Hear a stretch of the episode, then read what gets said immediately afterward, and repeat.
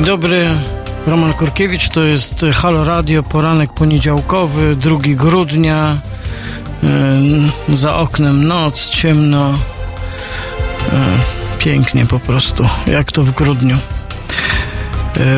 W pierwszej godzinie będziemy rozmawiać o różnych dziwnych i mniej, bardziej ważnych sprawach, czasami tragicznych, ale trochę śmiesznych, jak dziwny zamach czy wydarzenia na London Bridge, w których brał udział polski kucharz. E, tu parę wątków bardzo ciekawych się pojawia. Będziemy rozmawiać o prezesie Najwyższej Izby Kontroli. To jest najciekawsza zagadka polityczna nadchodzących dni. I to wszystko w poranku Halo Radio. Halo Radio.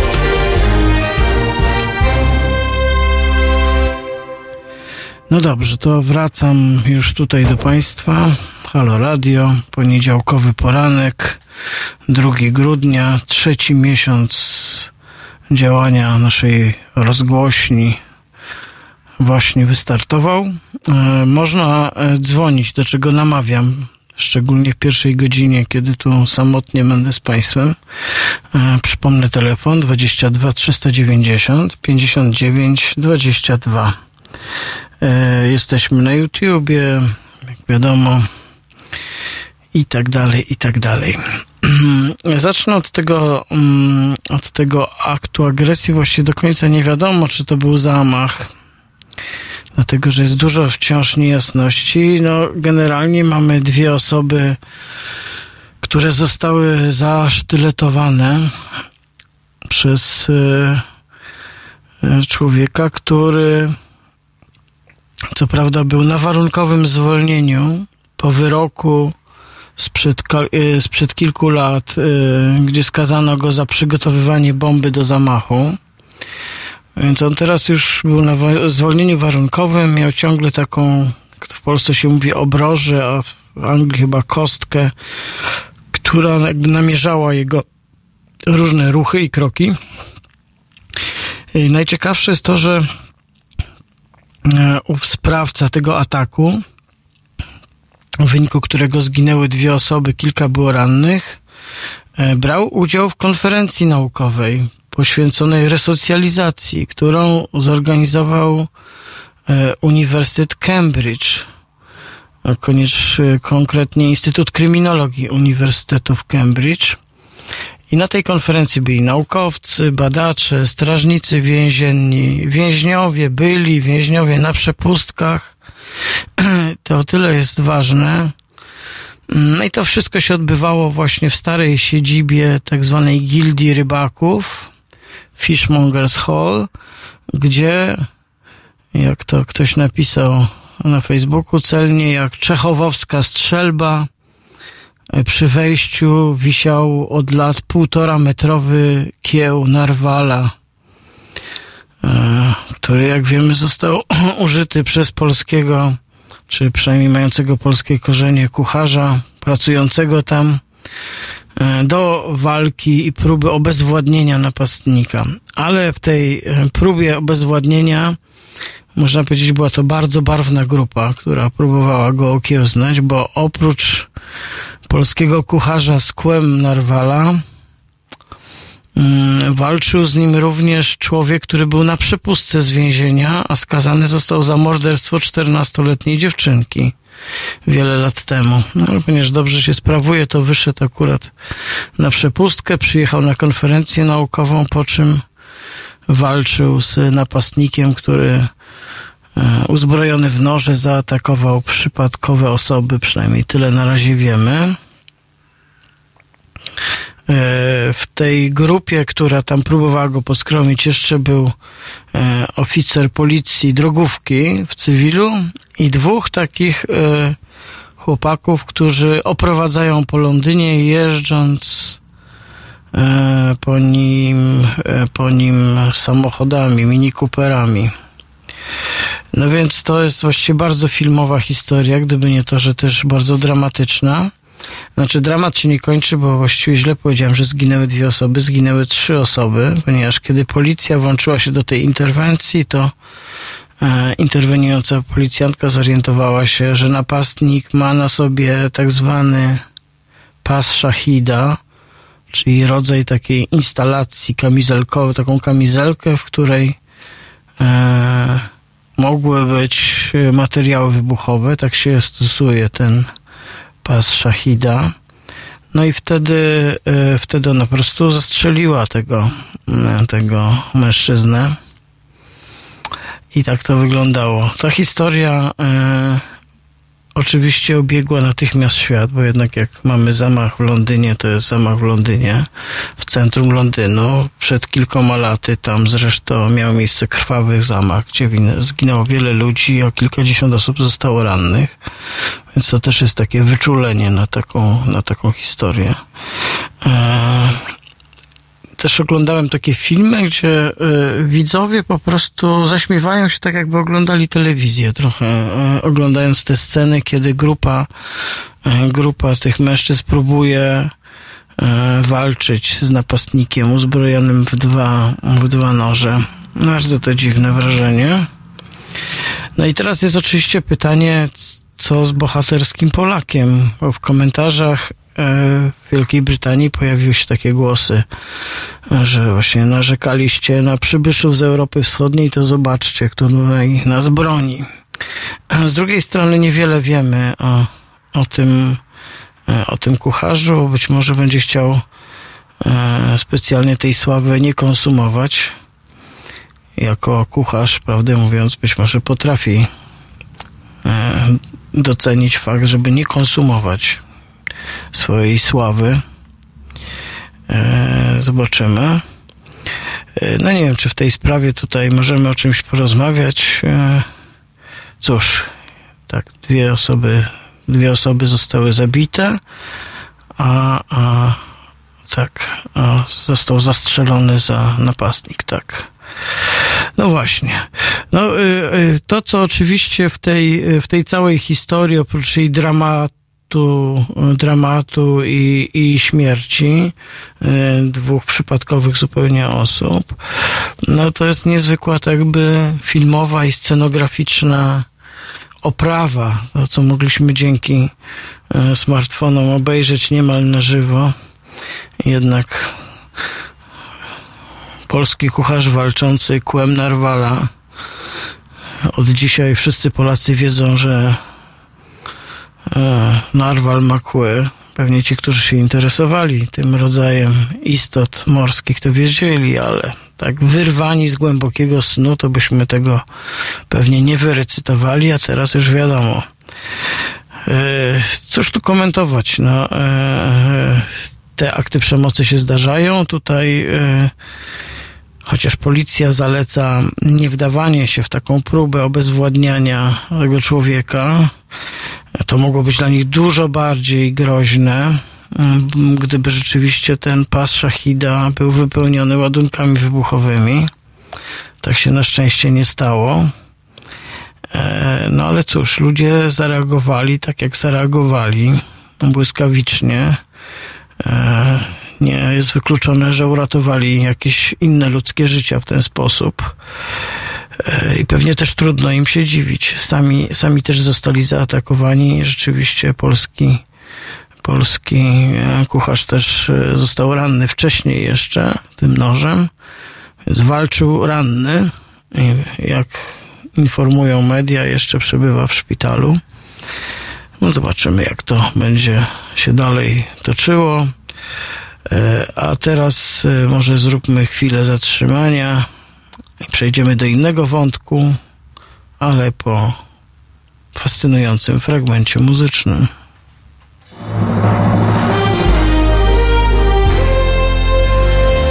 W środę od 7 do 10 o kawę, informacje niekoniecznie straszne i dobry humor zadba Marika Krajniewska, która o polityce wie niewiele, ale liczy na Państwa. 7.10. www.halo.radio. Słuchaj na żywo, a potem z podcastów.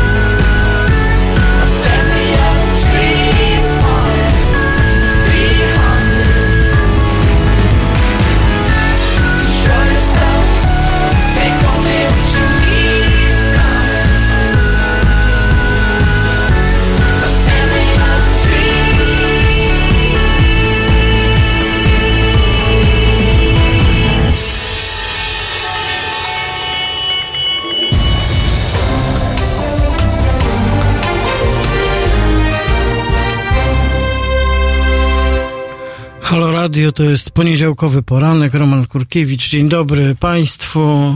Jest już jaśniej za oknem wyraźnie. 2 grudnia dzisiaj, od samego rana, właściwie od północy. E, zapraszam do telefonowania do nas. 22 kierunkowy do Warszawy. 390 59 22 to numer telefonu. E, chyba wątek kłów Narwala e, powoli e, zamkniemy. Tutaj słusznie pan Przemek na czacie zauważył, że standardowo i, i w taki przeważający sposób Narwale dysponują jednym kłem, chociaż zdarzają się takie ekscesy, że mają dwa i taki chyba był przypadek tego kła, który został użyty do walki, że tam wisiały dwa. No nie ma to większego znaczenia, co prawda dla całej historii. E, walczył Polak jednym kłem, nikt inny nie wpadł na taki pomysł. Ja myślę, że jak miesiącami w tej trudnej pracy oglądał ten kieł, to tak sobie myślał, dlaczego taki kieł właściwie? No mówi, no chyba, żeby coś się zaczęło dziać, to wtedy biorę kła i ruszam.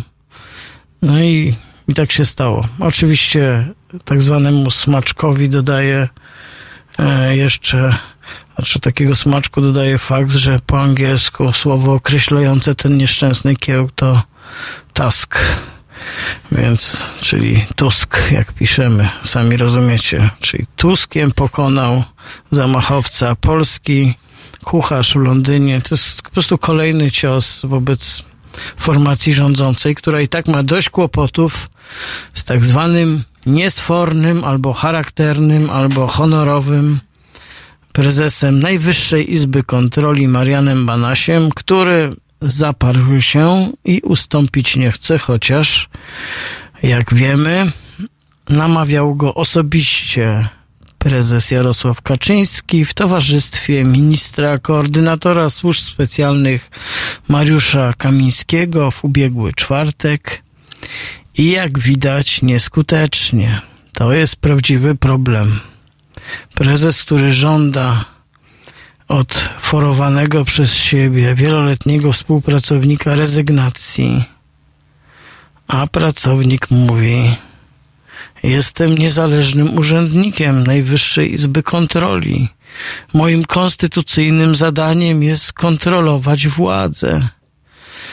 E, właściwie rzecz, nad którą się zastanawiałem, to nie jak do tego doszło, bo to właściwie ten schemat znamy. Po pierwsze, PiS lubi mieć w takich newralgicznych punktach ludzi, na których ma jakieś różne małe czy większe haki, a tak ewidentnie z Marianem Banasiem było, bo sprawa e, tajemniczej kamienicy, którą posiadał w Krakowie, a którą remontując za pieniądze Unii jako przeznaczonych na dom pielgrzyma w końcu wykorzystał we współpracy z miejscową gangsterką na tak zwany dom publiczny i wynajmowanie pokoi na godziny, no to, y, to te, te historie były znane wiele miesięcy temu, ale PiS w ogóle się tym nie przejmował. Z wiceministra finansów uczynił go ministrem finansów. Y, po kolejnych y, enuncjacjach medialnych, cóż, został prezesem Najwyższej Izby Kontroli. Przedstawiciele tej partii, politycy, polityczki po prostu piali z zachwytu, jakim jest nieskazitelnym, wybitnym i fachowym politykiem. I w pewnym momencie zgrzytnęło, jednak sprawy poszły za daleko. Na dodatek jest jeszcze sprawa jego syna, który prowadząc własne biznesy wspólne z ojcem, jest również E, jest również e, pracownikiem państwowego wielkiego banku, prawda? No i cóż, banku PKO SA. Mamy w tle jeszcze taki niejasny, udzielony kredyt na remont tego domu, też otrzymanego w dziwnych okolicznościach. No cóż. I teraz e, już są analizy, dlaczego prezes Niku, wprawiając najgłębszą konfuzję, jak sądzę, prezesa Jarosława Kaczyńskiego nie ustąpił ze stanowiska. Komentatorzy zauważają, że został poddany zbyt dużej presji, że za szybko PiS chciał zamknąć tę historię. Beata Mazurek komentowała, została ujawniona historia spotkania z prezesem Kaczyńskim i Mariuszem Kamińskim. Równocześnie też została wyciągnięta pałka w postaci tego, że CBA ma e, raport na temat działań Mariana e, Banasia i jakieś niejasności w związku z jego majątkiem. A potem, kiedy Marian Banaś w piątek się troszeczkę zbiesił, bo wszyscy czekali, że do 15 on już odda kluczyki do biura, do samochodu, podpisze papiery. Sejm, przypomnę, błyskawicznie z jego rekomendacji zatwierdził dwóch zastępców, oczywiście bez zmrużenia oka. E, no cóż, ale okazało się, że po południu jeszcze dorzucono do pieca, że CBA zgłasza do prokuratury sprawę i wtedy pan Marian Banaś powiedział, a nic nie robię dzisiaj, działam normalnie. NIK wydał oświadczenie. Wszystko działa jak należy. Konstytucyjne prace trwają. No bardzo ciekawa historia, bardzo ciekawa historia. Zastanawiałem się nad tym, czy opozycja nie będzie chciała wykorzystać, prawda, opozycja na tak wysokim stanowisku osoby, która mogłaby kontrolować władzę, nie ma. Jestem ciekaw, jakby to uzasadnić, jaką realpolitik czy wróg naszego wroga jest naszym przyjacielem? Czy były przyjaciel naszych wrogów może być niemal naszym przyjacielem?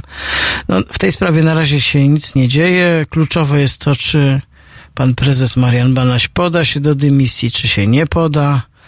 E, PiS, e, przedstawiciele PiSu zasugerowali mu, żeby spotkał się spokojnie w weekend z rodziną i porozmawiał. I zastanówcie się, Marianie, Marych, Marysiu, zastanów się. Mary, Marychu, Marychu. Mówi się Maryś, to Marysiu też można powiedzieć, ale to jest takie dwuznaczne. Zastanów się, porozmawiaj z żoną, porozmawiaj z dzieciakami. Może jeszcze masz kogoś mądrego w swoim otoczeniu, co ci poradzi, co robić, żeby się nie pchać w tą sytuację bez wyjścia. No cóż, zobaczymy. Także właściwie taka, cały czas jak się mówi o tej historii z Marianem Banasiem, to prawie są takie emocje jak na tym London Bridge i właśnie taka muzyczka powinna być pod spodem, takie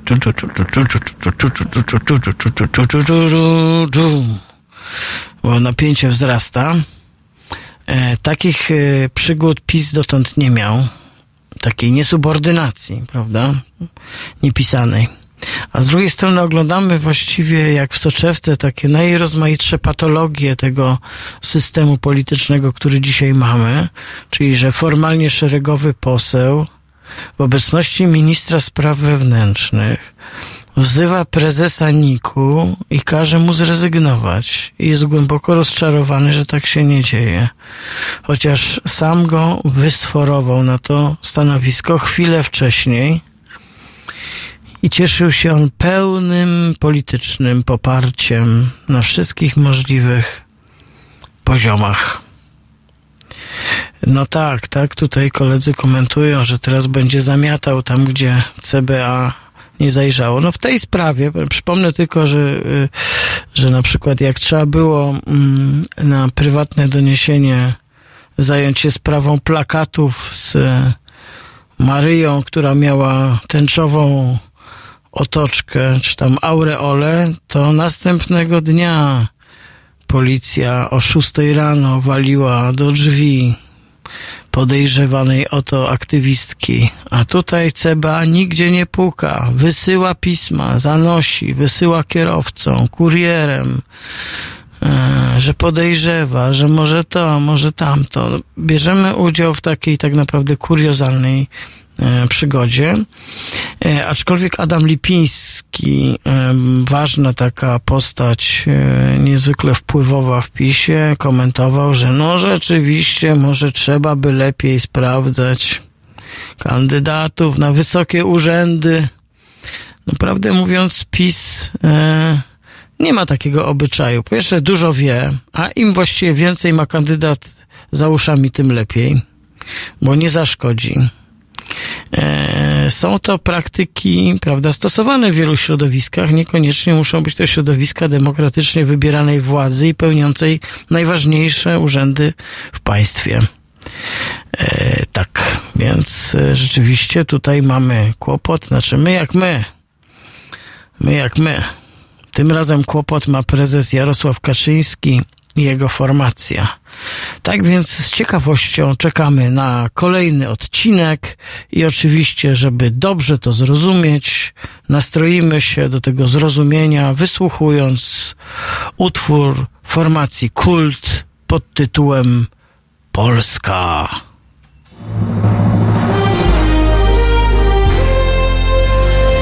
To proste. Żeby robić medium prawdziwie obywatelskie, potrzebujemy Państwa stałego wsparcia finansowego.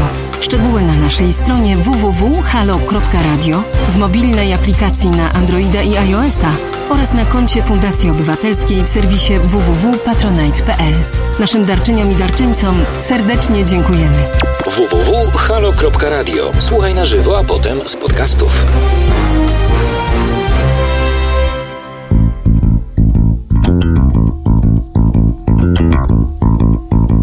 Thank you.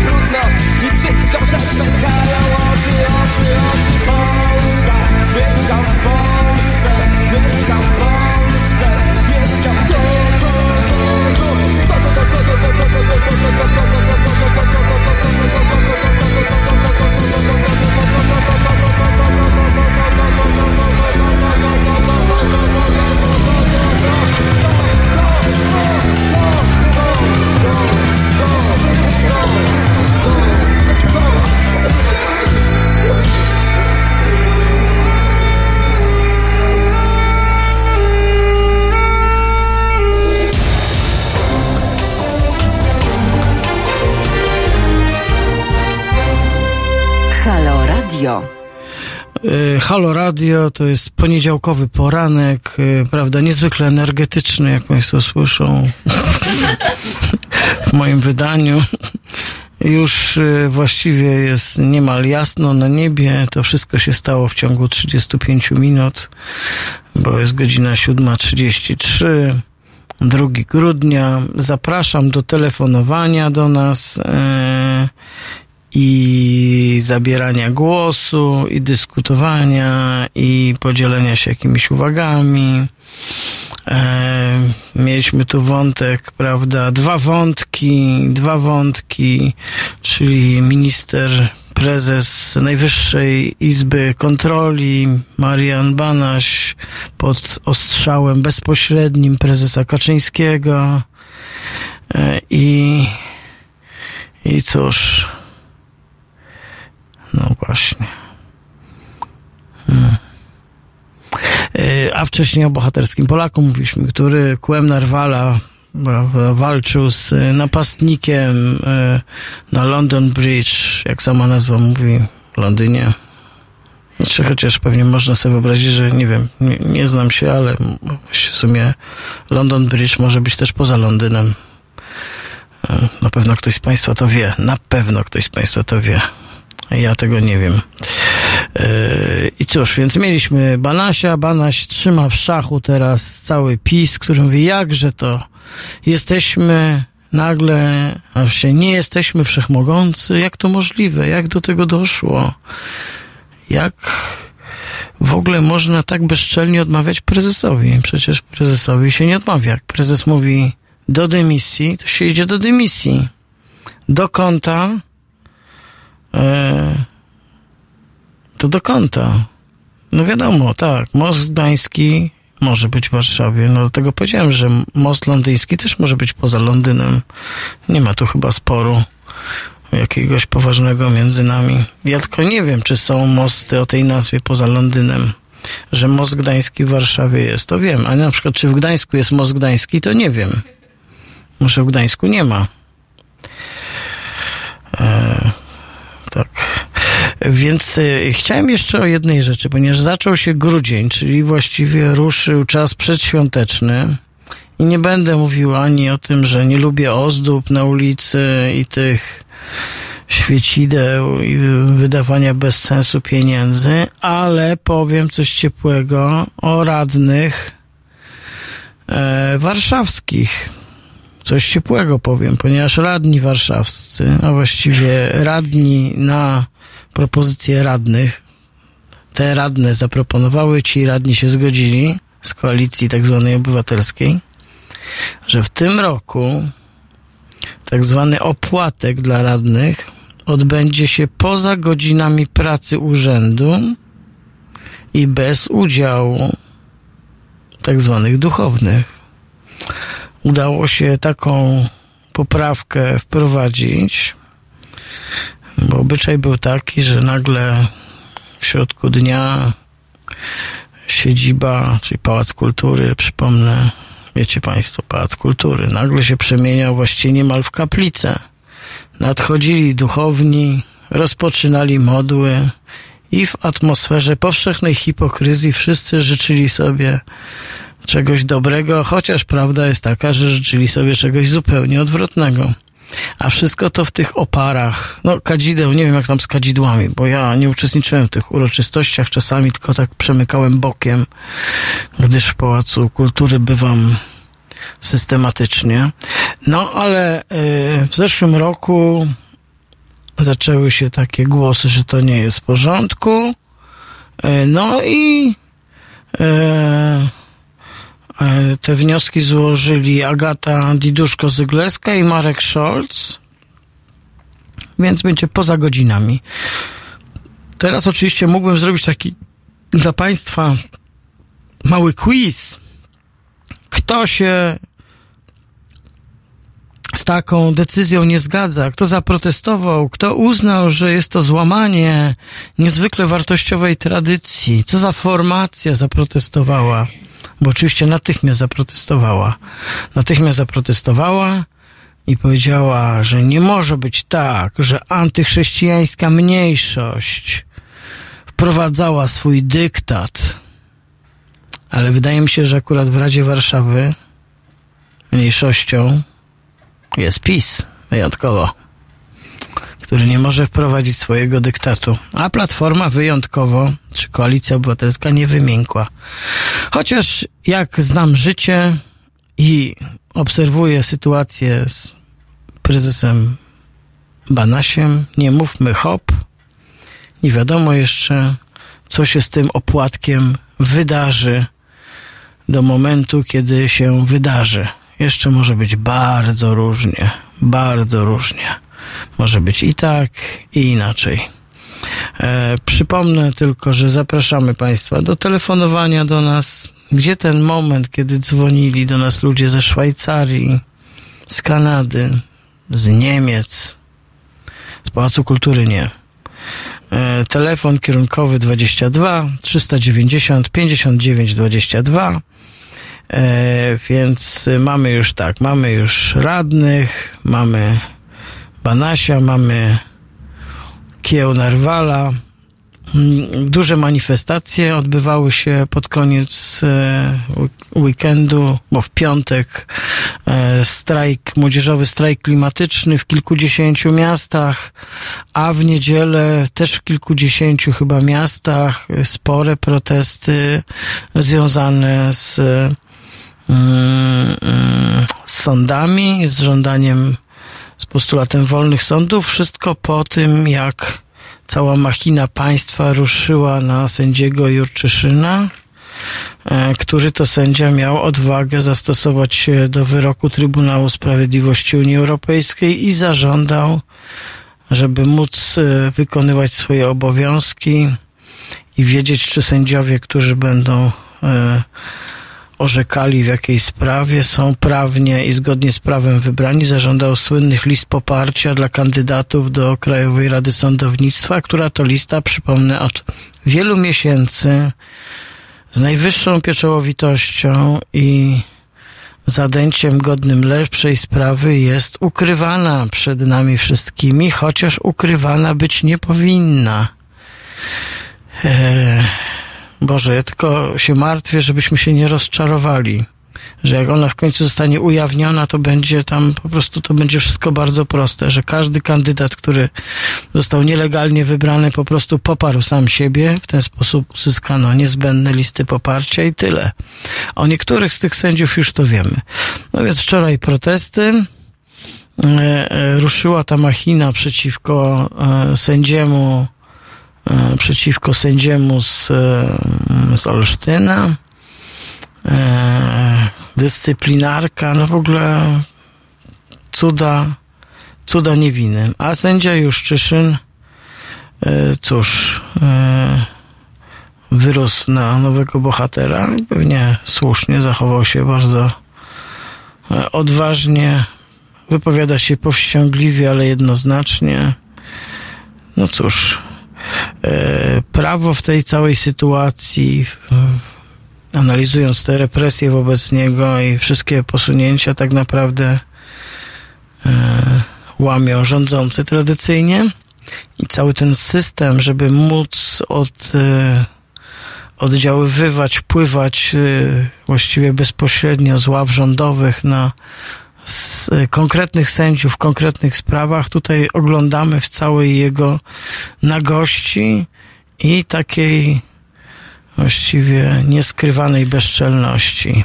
No, właśnie, tak to było.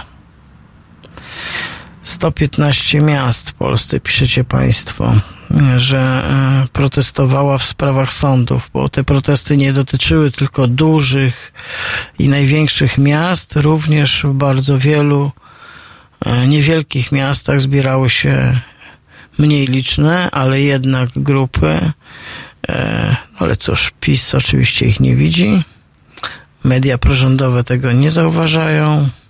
Zaraz się zacznie nagonka na sędziego Juszczyszyna, a tymczasem czy prezes Marian Banaś przyjechał już do Najwyższej Izby Kontroli? W ogóle nie wiemy tego. Dlaczego ja tego nie wiem? Gdzie są nasze służby prasowe? Powinniśmy wiedzieć, czy wyjechał z domu, czy przekroczył prędkość, czy jego kierowca e, stosował się do przepisów, czy nie. Sprawdzam. Nie, nic nie widzę. Nic nie widzę. Z takich rzeczy lokalnych to jeszcze bardzo lubię historię o słynnych tygrysach, które zostały ocalone. Miały jechać do Dagestanu chyba, czy do Kazachstanu. Były w fatalnej kondycji, właściwie jeden zdech, inne ledwo zostały uratowane. Cudem przez interwencję pani dyrektor ogrodu zoologicznego w Poznaniu. Zostały doprowadzone do e, żywotności, stanęły na nogi, jak to się mówi, i rozpoczęły właśnie chyba wczoraj czy przedwczoraj swoją podróż do azylu w Hiszpanii, gdzie będą miały tak naprawdę luksusowe warunki. W tle tej historii jest e, tradycyjnie przepiękna i urokliwa historia urzędnicza.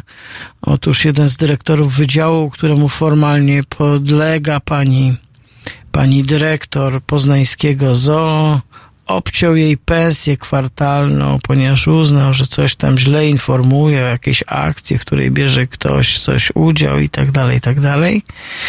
Można powiedzieć, że pani dyrektor się kieruje trochę innym systemem wartości niż y, pani Ewa Zgrabczyńska, bo tak się nazywa pani dyrektor ZOO w Poznaniu.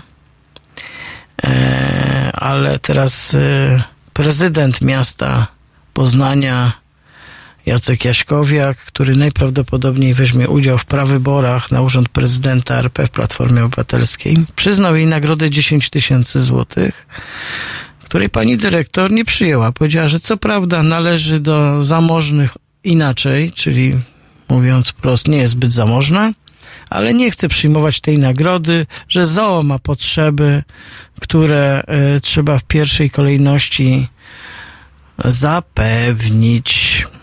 Bardzo to ładna historia. Teraz już w tej trudnej sytuacji, w tym trudnym momencie 2 grudnia e, wysłuchamy Gossipu i Heavy Cross i za chwilę wracamy do naszej rozmowy. To jest Halo Radio.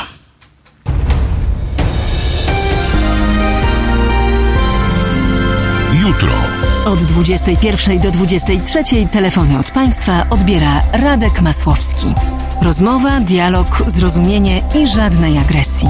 21-23. Zapraszamy. www.halo.radio. Słuchaj na żywo, a potem z podcastów.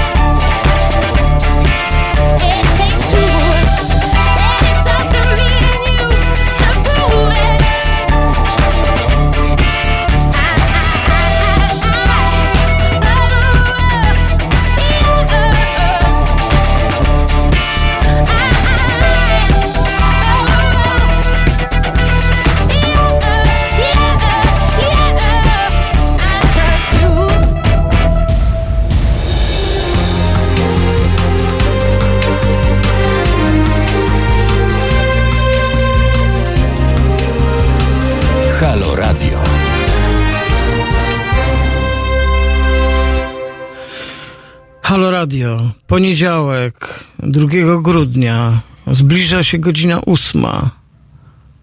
Już jest właściwie całkiem jasno. Jak to się stało? W ciągu krótkiej godziny, niecałej, była noc.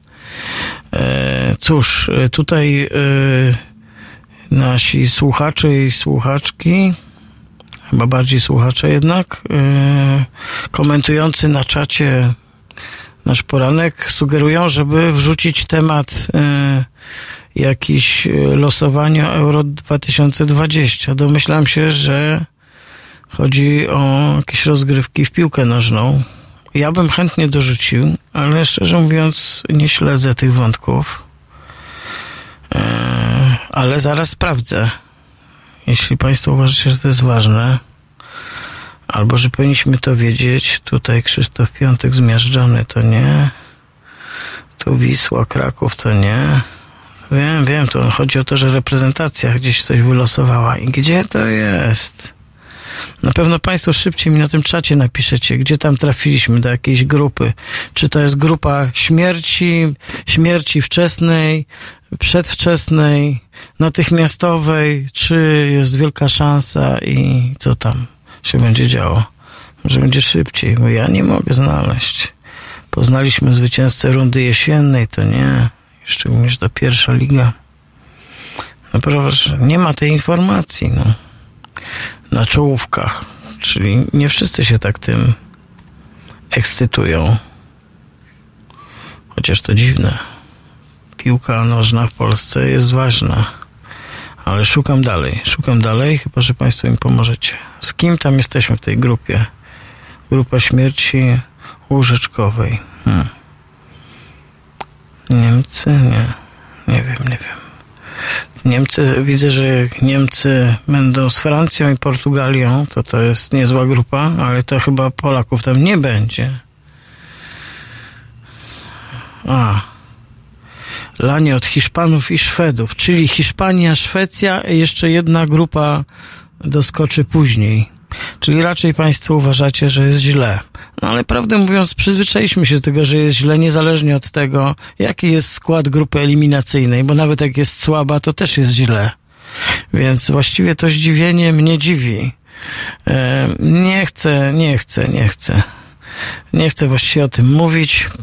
Moim zdaniem Łukasz na London Bridge walczył o honor tam tym kłem i to było, co prawda nie ma takiej dyscypliny, e, sportowej, jak walka kłem na moście z zabójcą i nożownikiem. Aczkolwiek oglądałem ostatnio z, sportowych rzeczy, żeby trochę poszerzyć tak zwane pole walki. Oglądałem eliminację do nowej dyscypliny olimpijskiej, którą jest spinaczka. Czyli spinaczka będzie na olimpiadzie i i trwają właśnie najróżniejsze eliminacje. Są różne dyscypliny. Hmm, oczywiście one wszystkie dzieją się na tak zwanych sztucznych ściankach. I tam taki zestaw kilku różnych wariantów e, tego wspinania. Jest taki wspinanie się na czas, w którym e, polskie zawodniczki są zresztą niezłe, świetne, wybitne. Były mistrzyniami świata parę razy. Ale też jest y, taka dyscyplina, że tam trzeba prowadzić jakąś trudną drogę, czyli iść pierwszemu i tam się męczyć i tak dalej, i tak dalej. No bardzo ciekawe. Ciekawe, czy Polacy pokochają, na przykład gdyby zdobyli mistrza świata, nie wiem, ale nie zdobędą. Nic za to nie poradzę. We wspinaczce takiej szybkiej to dziewczyny się świetnie wspinają, a chłopaki gorzej. A z kolei piłkarze, cóż, z piłkarzami nigdy, nigdy nie wiadomo. Hiszpanie, Szwedzi. Nie wiem, jak w rankingach to się układa. Ja jestem kibicem, byłem do niedawna kibicem czwartoligowej drużyny, teraz jestem kibicem trzecioligowej i to mi właściwie w zupełności wystarcza. To mnie napędza, to jest miłe i AKS zły to jest naprawdę bardzo przyjemna, bardzo przyjemna historia, więc yy, tak, tak, trzeba nacisnąć. Hmm? Może się uda. Tak, idzie do nas gość, wydaje mi się. I nie będziemy musieli już rozmawiać o piłce nożnej. E, chociaż oczywiście to bardzo wiele osób pasjonuje. E, mnie piłka nożna w takim wydaniu narodowym pasjonuje w umiarkowanym stopniu. Mam takie poczucie, że tam nas jednak jakoś robią w bambuko i troszeczkę nas oszukują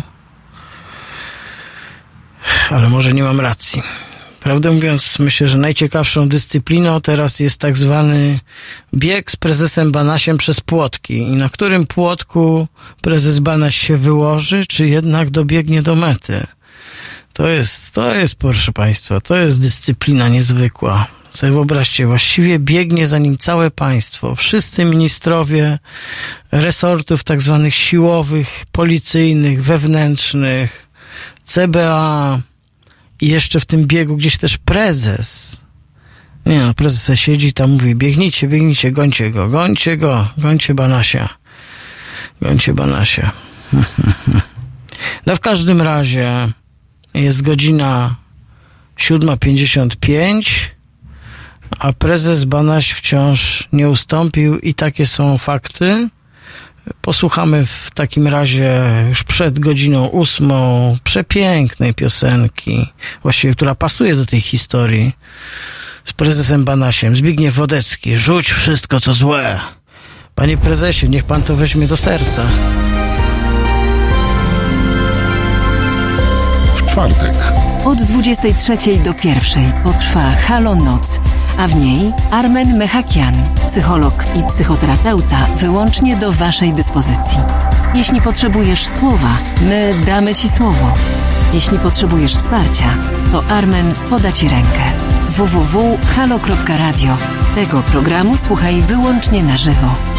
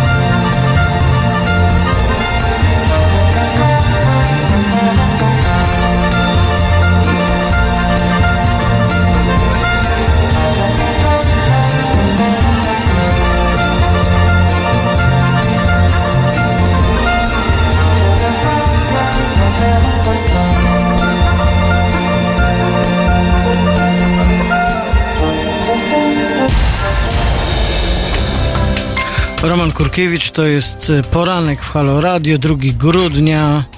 Mm, Rozmawiamy e, teraz o tym, co podczas wyborów się wydarzało. Halo Radio. E, Jest już z nami pan Marcin Skubiszewski z Obserwatorium Wyborczego. Mieliśmy okazję rozmawiać przed wyborami parlamentarnymi, zachęcając do różnych form obserwowania tego, jak wybory się toczą i czy wszystko jest w porządku.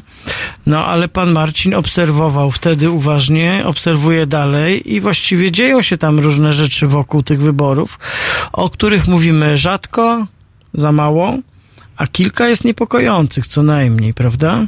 No niestety. Niestety. No to w takim razie teraz, wie pan, no my tu ścigaliśmy prezesa Niku w poprzedniej części.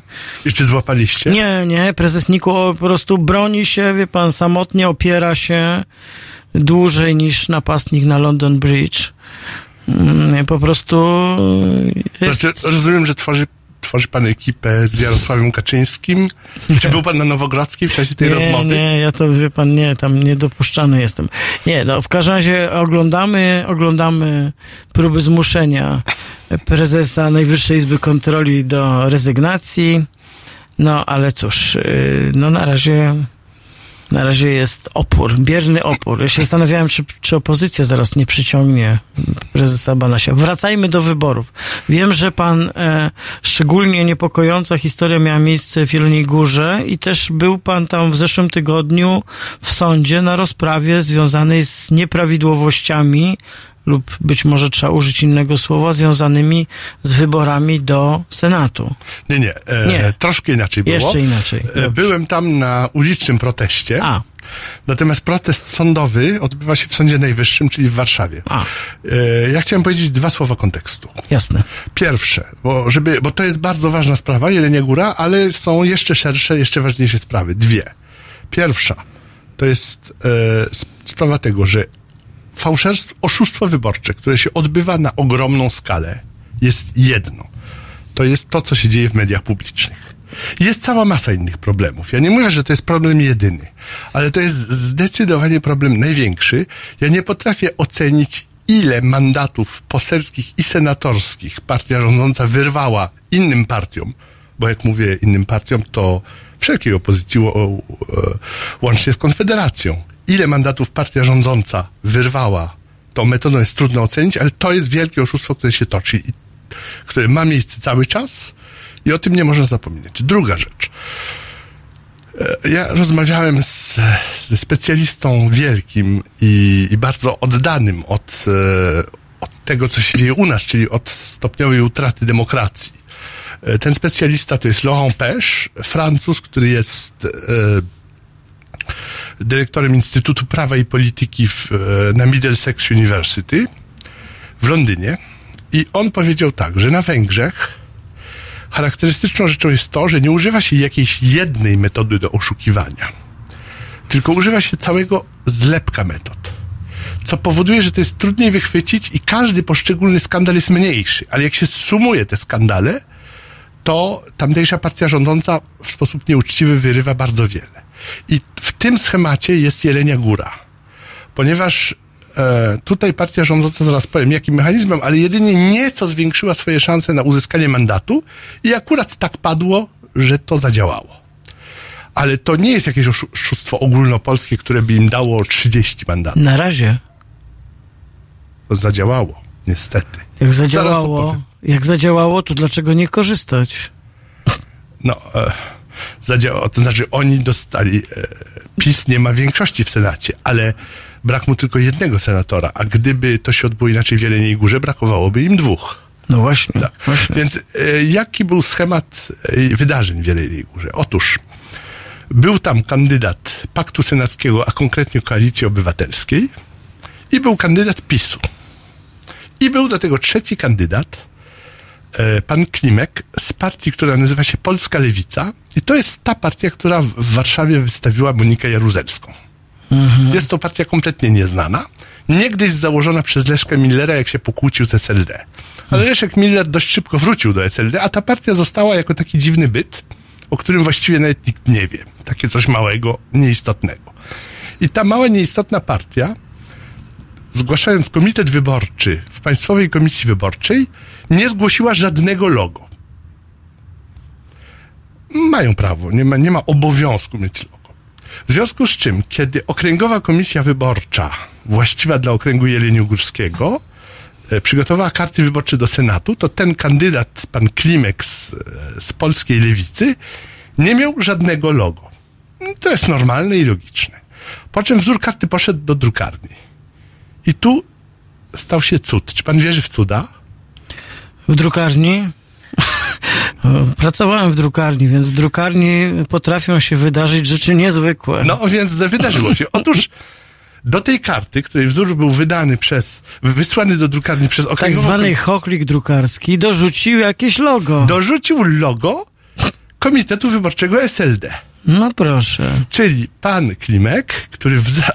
Zresztą jeszcze zabawna sprawa jest taka, że on jest nawet członkiem SLD, okazuje się. Ale absolutnie Komitet Wyborczy SLD ani partia SLD go nie wystawiły.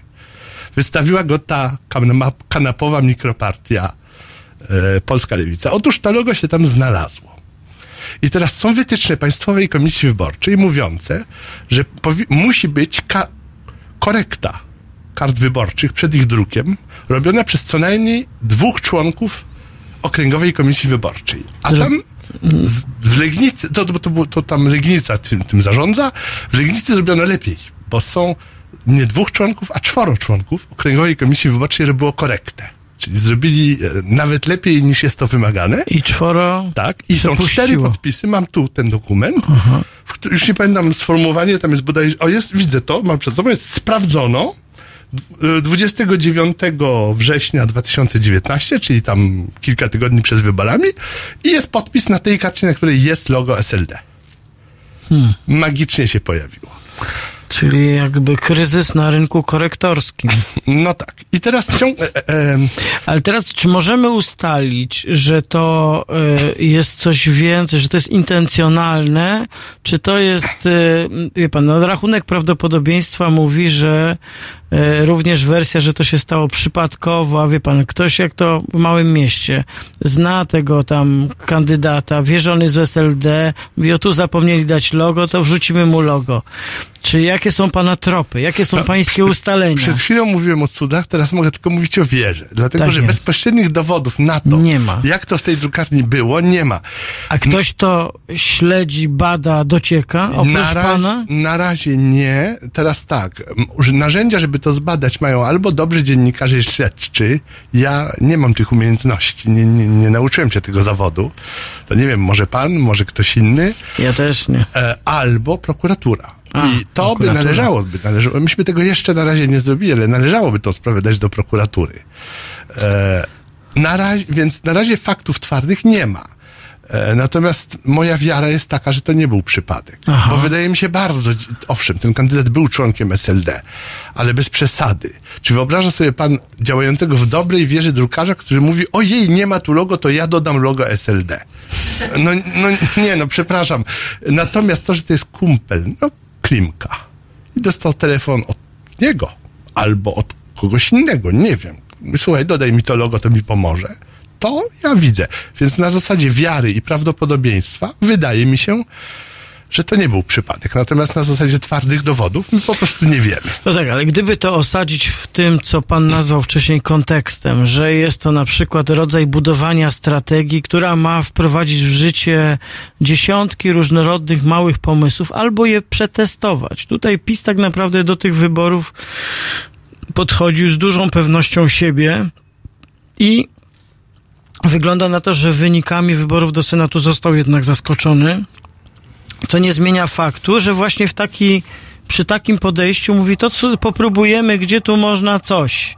Więc ja powiem I tak. to jest, tutaj to jest nie- poważne pytanie, mi się wydaje. Nie będę mówić od siebie, Mhm. ponieważ ja jestem w Warszawy, z Warszawy, tu mieszkam i sytuacji e, w Jeleniej Górze nie znam dobrze. Natomiast działacze antypisowscy, których spotkałem w Jeleniej Górze właśnie w zeszły poniedziałek, oni są przekonani, że w ogóle pan kandydat Klimek był pomysłem pisowskim. Mhm. To znaczy po to, żeby rozbić głosy opozycji. To jest ich przekonanie, jeszcze raz mówię, ja tego nie oceniam, ponieważ nie mam własnych elementów no oceny. Nie rozumiem, że to jest opinia działaczy tak. antypisowskich. Tak. No tak. E, teraz tak, ale warto powiedzieć, co było dalej jeszcze. No tak, to. bo to jest tak, że te głosy, które zebrał ten kandydat, de facto mogły zmienić, no, prawda? Tak, więc e, ten kandydat zebrał 27 tysięcy głosów. To A jest różnica chyba... między zwycięzcą a drugim była tam e, tysiąc 1000, była tak? 1168. Krótko mówiąc, jeżeli uznamy, że co 23 głos, który padł na pana Klimka, jest głosem, który został odebrany koalicji obywatelskiej przez logo, mhm. ja stawiam hipotezę. Stawiamy mi pytanie, czy uznamy, że co najmniej jeden na 23 głosy uzyskane przez pana Klimka wynikał z logo? Mhm. Jeśli tak, to, to ty... znaczy, że ta sprawa zmieniła wynik wyborów. Okej. Zróbmy teraz tak. Eee, posłuchamy piosenki Talk Talk It's My Life i wracamy do rozmowy o tym, co się wydarzało wokół wyborów parlamentarnych w Polsce. Rozmawiam z panem Marcinem Skubiszewskim z Obserwatorium Wyborczego. Chciałbym. Jutro. Między 19 a 21 reżyser i aktywista obywatelski Bart Staszewski oraz cała gama tematów pod hasłem Prawa osób LGBT. 19.21. www.halo.radio. Słuchaj na żywo, a potem z podcastów.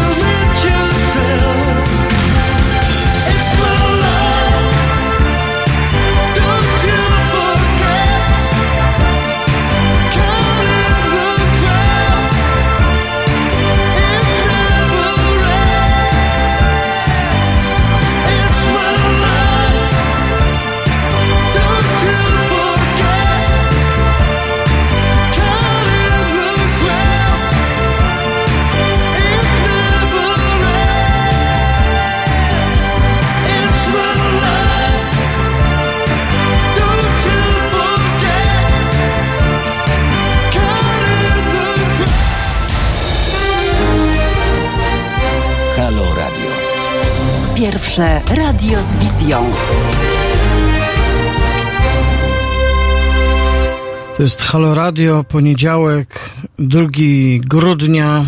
Ym, Roman Kurkiewicz. Rozmawiamy o jeszcze, że tak powiem, różnych odpryskach i pozostałościach po wyborach parlamentarnych.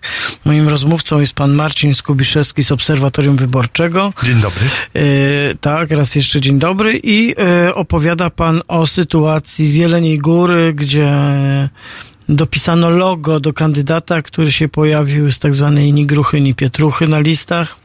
Te karty do głosowania zostały zaakceptowane i ten, bo rozumiem, że został złożony protest wyborczy w związku z tą sytuacją. Tak. I on trafił, tak jak powinien trafić, do Sądu Najwyższego, ale już do tej nowej izby, tak, Tak. która się zajmuje ocenianiem ważności wyborów oraz tego, czy wystąpiły naruszenia prawa. Tak. To znaczy protesty były co najmniej cztery z danymi. Mogło być więcej nawet. E, To się odbywa w ten sposób, że każdy proces jest, e, każdy protest jest e, sądzony oddzielnie przez, można by powiedzieć, trzech sędziów, a może lepiej powiedzieć trzech pseudosędziów tak naprawdę. A potem na końcu. Jak to No, pseudosędziów? to wracam, zaraz wrócę do tego tematu. E, To jest dość znany w całej Polsce temat. Em, A następnie cało, całość jest osądzana na końcu, biorąc pod uwagę wszystkie protesty, uchwałą e, całej Izby. I ta Izba to jest Izba Kontroli Nadzwyczajnej i Spraw Publicznych. Ta Izba ma pod sobą kontrolę nadzwyczajną, czyli specjalną metodę na wzruszanie prawomocnych wyroków, którą wymyśliła obecna władza.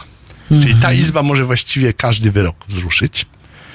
E, dalej, e, e, tam e, sprawy publiczne to jest wszystko, co dotyczy mediów, czyli jakakolwiek uchwała, e, na przykład o charakterze karzącym Krajowej Rady Radiofonii i Telewizji, jeżeli ktoś się chce odwołać, idzie tam. I tam też idą sprawy wyborcze. I to jest nowa izba, która w całości i wyłącznie składa się z sędziów powołanych przez NeoKRS, czyli powołanych w ten sposób, o którym się ostatnio tak dużo mówi, z wyrokiem e, Trybunału e, Unijnego, z, ze słynną sprawą i nieszczęsną sprawą sędziego Juszczyszyna i to wszystko. Czyli to są ci sędziowie. E, I teraz tak, były złożone cztery protesty wyborcze. Do tych protestów jeden przez Koalicję Obywatelską, a trzy przez różnych wyborców, z czego dwa z inspiracji Obserwatorium Wyborczego, muszę dodać, w, w rzeczywistości. Do tych protestów były e, e, załączane wnioski o wyłączenie, to znaczy wnioski, żeby ci sędziowie upolitycznieni tego nie rozpoznawali. Ale ci sędziowie sami te wnioski rozpatrują, to znaczy w zależności od konfiguracji. Je odrzucili. Albo. O, jak pan zgadł? No Ciekawe, nie wiem, no. nie wiem, intuicja kobieca. Tak, to rzeczywiście. E, Więc Jakieś mam takie, wie pan, przebłyski w sprawie takich rozwiązań prawnych, które stosuje ta ekipa. I... tak. Co się odbywa tak, jeżeli ktoś złoży, bo tam już nie będę wchodzić w szczegóły prawne, ale można złożyć wniosek przeciwko trzem sędziom, tym wyznaczonym do danej sprawy, to wtedy taki wniosek oddali trzech innych sędziów, ale którzy mają te same problemy. To znaczy, jeżeli ja we wniosku napiszę, że ktoś powołany przez NeoKRS nie powinien sądzić, to przyjdzie ktoś inny powołany przez NeoKRS i ustali, że ten wniosek był niesłuszny. A były też wnioski składane przeciwko całej Izbie. Na przykład Koalicja Obywatelska akurat taki wniosek złożyła. I te wnioski są wtedy rozpatrywane przez tych sędziów, przeciwko którym są złożone. Czyli tu mamy już ewidentnie taki, taką sytuację sędzia we własnej sprawie. Czyli to dobrze jest wymyślone przez PiS, nie? To No, działa. tak. Widzi pan, znowu działa. E, I teraz tak, e, co do tych protestów. Protest Koalicji Obywatelskiej został uznany przez e, sędziów, jeśli można ich tak nazwać, Sądu Najwyższego za na tyle źle napisany, że nie można go rozsądzić. E, pozostawiam każdemu do oceny. Było to pisane przez adwokata, który od iluś lat zajmuje się sprawami wyborczymi.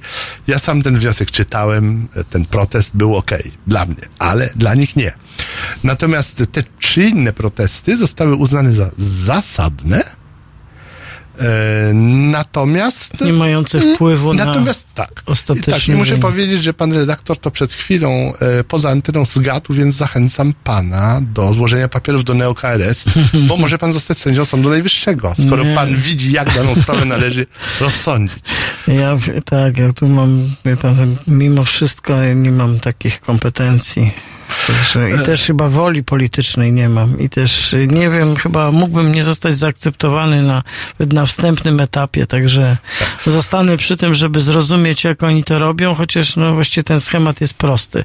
To jest niesamowite, bo właściwie wie pan, jakby fenomen tego, o czym pan opowiada, rzeczywiście tutaj możemy wrócić do tych Węgier. On polega na tym, że to jest nie do opowiedzenia krótko i człowiekowi, który nie ma zielonego pojęcia, co to są te izby Sądu Najwyższego, co to są ci sędziowie, czym się różnią od tamtych, czym się zajmuje neo-KRS, co oznacza ten wyrok Trybunału Sprawiedliwości.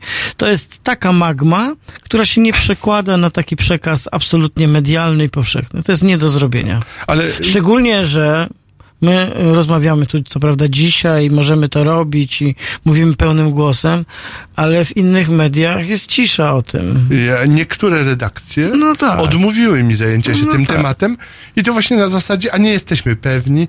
Były na przykład takie pytania, czy pan jest pewien, że gdyby nie to logo, to, to ten z Koalicji Obywatelskiej by wygrał? No ja nie mogę powiedzieć, że by, jestem pewien. Ja mogę powiedzieć, że roz, rozsądek i rachunek prawdopodobieństwa mi wskazują, że z dużym prawdopodobieństwem by wygrał. Ale czy to jest pewne? Oczywiście, że to nie jest pewne. Ja No nie, nie siedzę w umysłach wyborców, żeby powiedzieć, którzy z nich zagłosowali pod wpływem logo, a którzy z nich na przykład nie lubią Koalicji Obywatelskiej No tak, i nie lubią pewnie PiSu. pytanie, pytanie można zadać tak, czy to logo miało prawo tam się znaleźć? Nie. I tu jest odpowiedź jednoznaczna, nie. Nie, to jest oczywiste. A co to, co dalej, to jest inna historia. Czy z formalnej s- y, strony rzecz biorąc, to logo tam nie miało prawa się znaleźć, ponieważ nie był to kandydat Komitetu Wyborczego SLD, który się posługuje tym logo. I, i tyle, tak. No, to jest bardzo ciekawe, bo to, wie pan co, bo jak ja bym spojrzał na tą historię, którą pan teraz opowiada, to z taką, e, że tak powiem, zakodowaną nieufnością wobec władzy w ogóle, a wobec tej władzy w szczególności, powiedziałbym, że to sprawia wrażenie takich ćwiczeń poligonowych, tak? W małej skali, gdzieś daleko, w wyborach, które wydawało się, że łatwo się wygra, ale to jest element przećwiczenia, tak? I mało tego, została, niech pan zobaczy, co jest być może najbardziej wstrząsające, przetestowana ta machina, która po to powstała. I ona też zadziałała, tak? Na proteście w Jeleniej Górze było około 30 osób. E, No. no to przynajmniej tyle, ale to byli aktywiści. To nie było poruszenie całej ludności, czy jakiejś istotnej części ludności Jeleniej Góry, niestety. A na proteście w Warszawie było jeszcze mniej ludzi, ale tam była przyczyna. Otóż to było, się odbywało jednocześnie z procesem profesora Sadurskiego. Więc, e, bo mieliśmy postęp, e, posiedzenie Sądu Najwyższego w tej sprawie, jednocześnie z posiedzeniem innego sądu, e, w którym pan Sadurski jest oskarżony o to, że rzekomo niesłusznie nazwał, jak to było, PiS partią mafijną, czy coś w tym rodzaju. Tak, znaczy organizacją, tak, o charakterze przestępczym.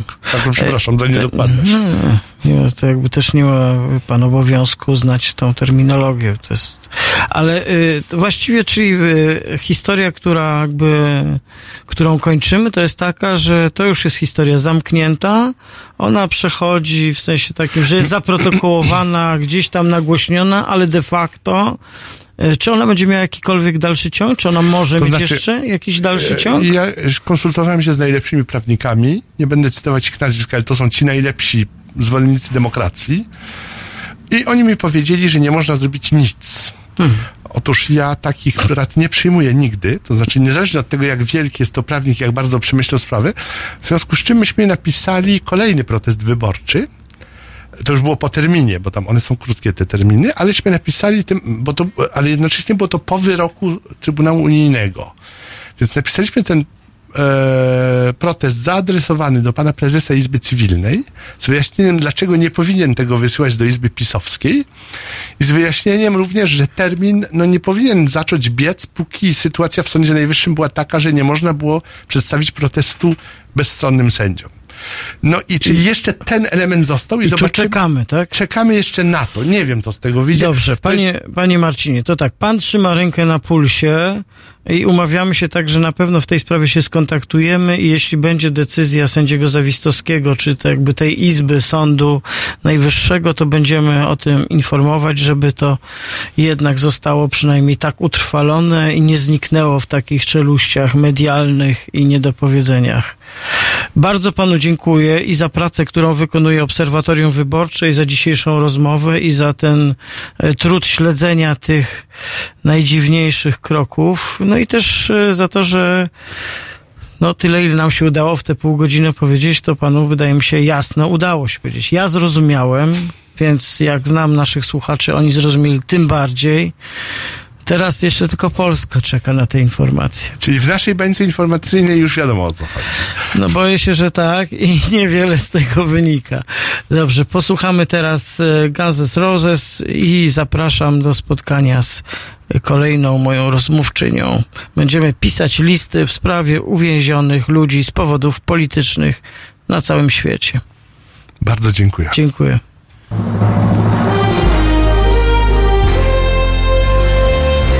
Jutro. O poranku między siódmą a dziesiątą prawdziwy człowiek orkiestra Tomek Końca. Obudzi nawet umarłych. Siódma, dziesiąta. www.halo.radio. Słuchaj na żywo, a potem z podcastów.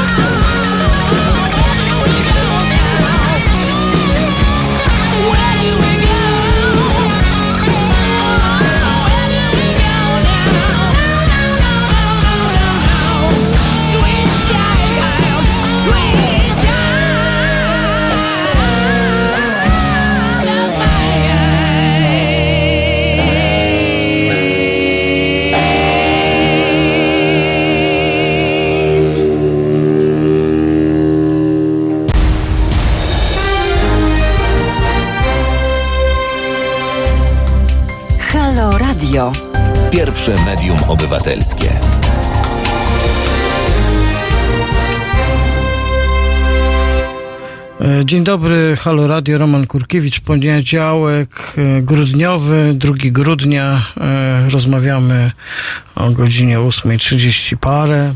Moją rozmówczynią jest teraz e, szefowa Polskiej Amnesty International, Draginiana Dażdin. Dzień dobry. Dzień dobry. Dzień dobry.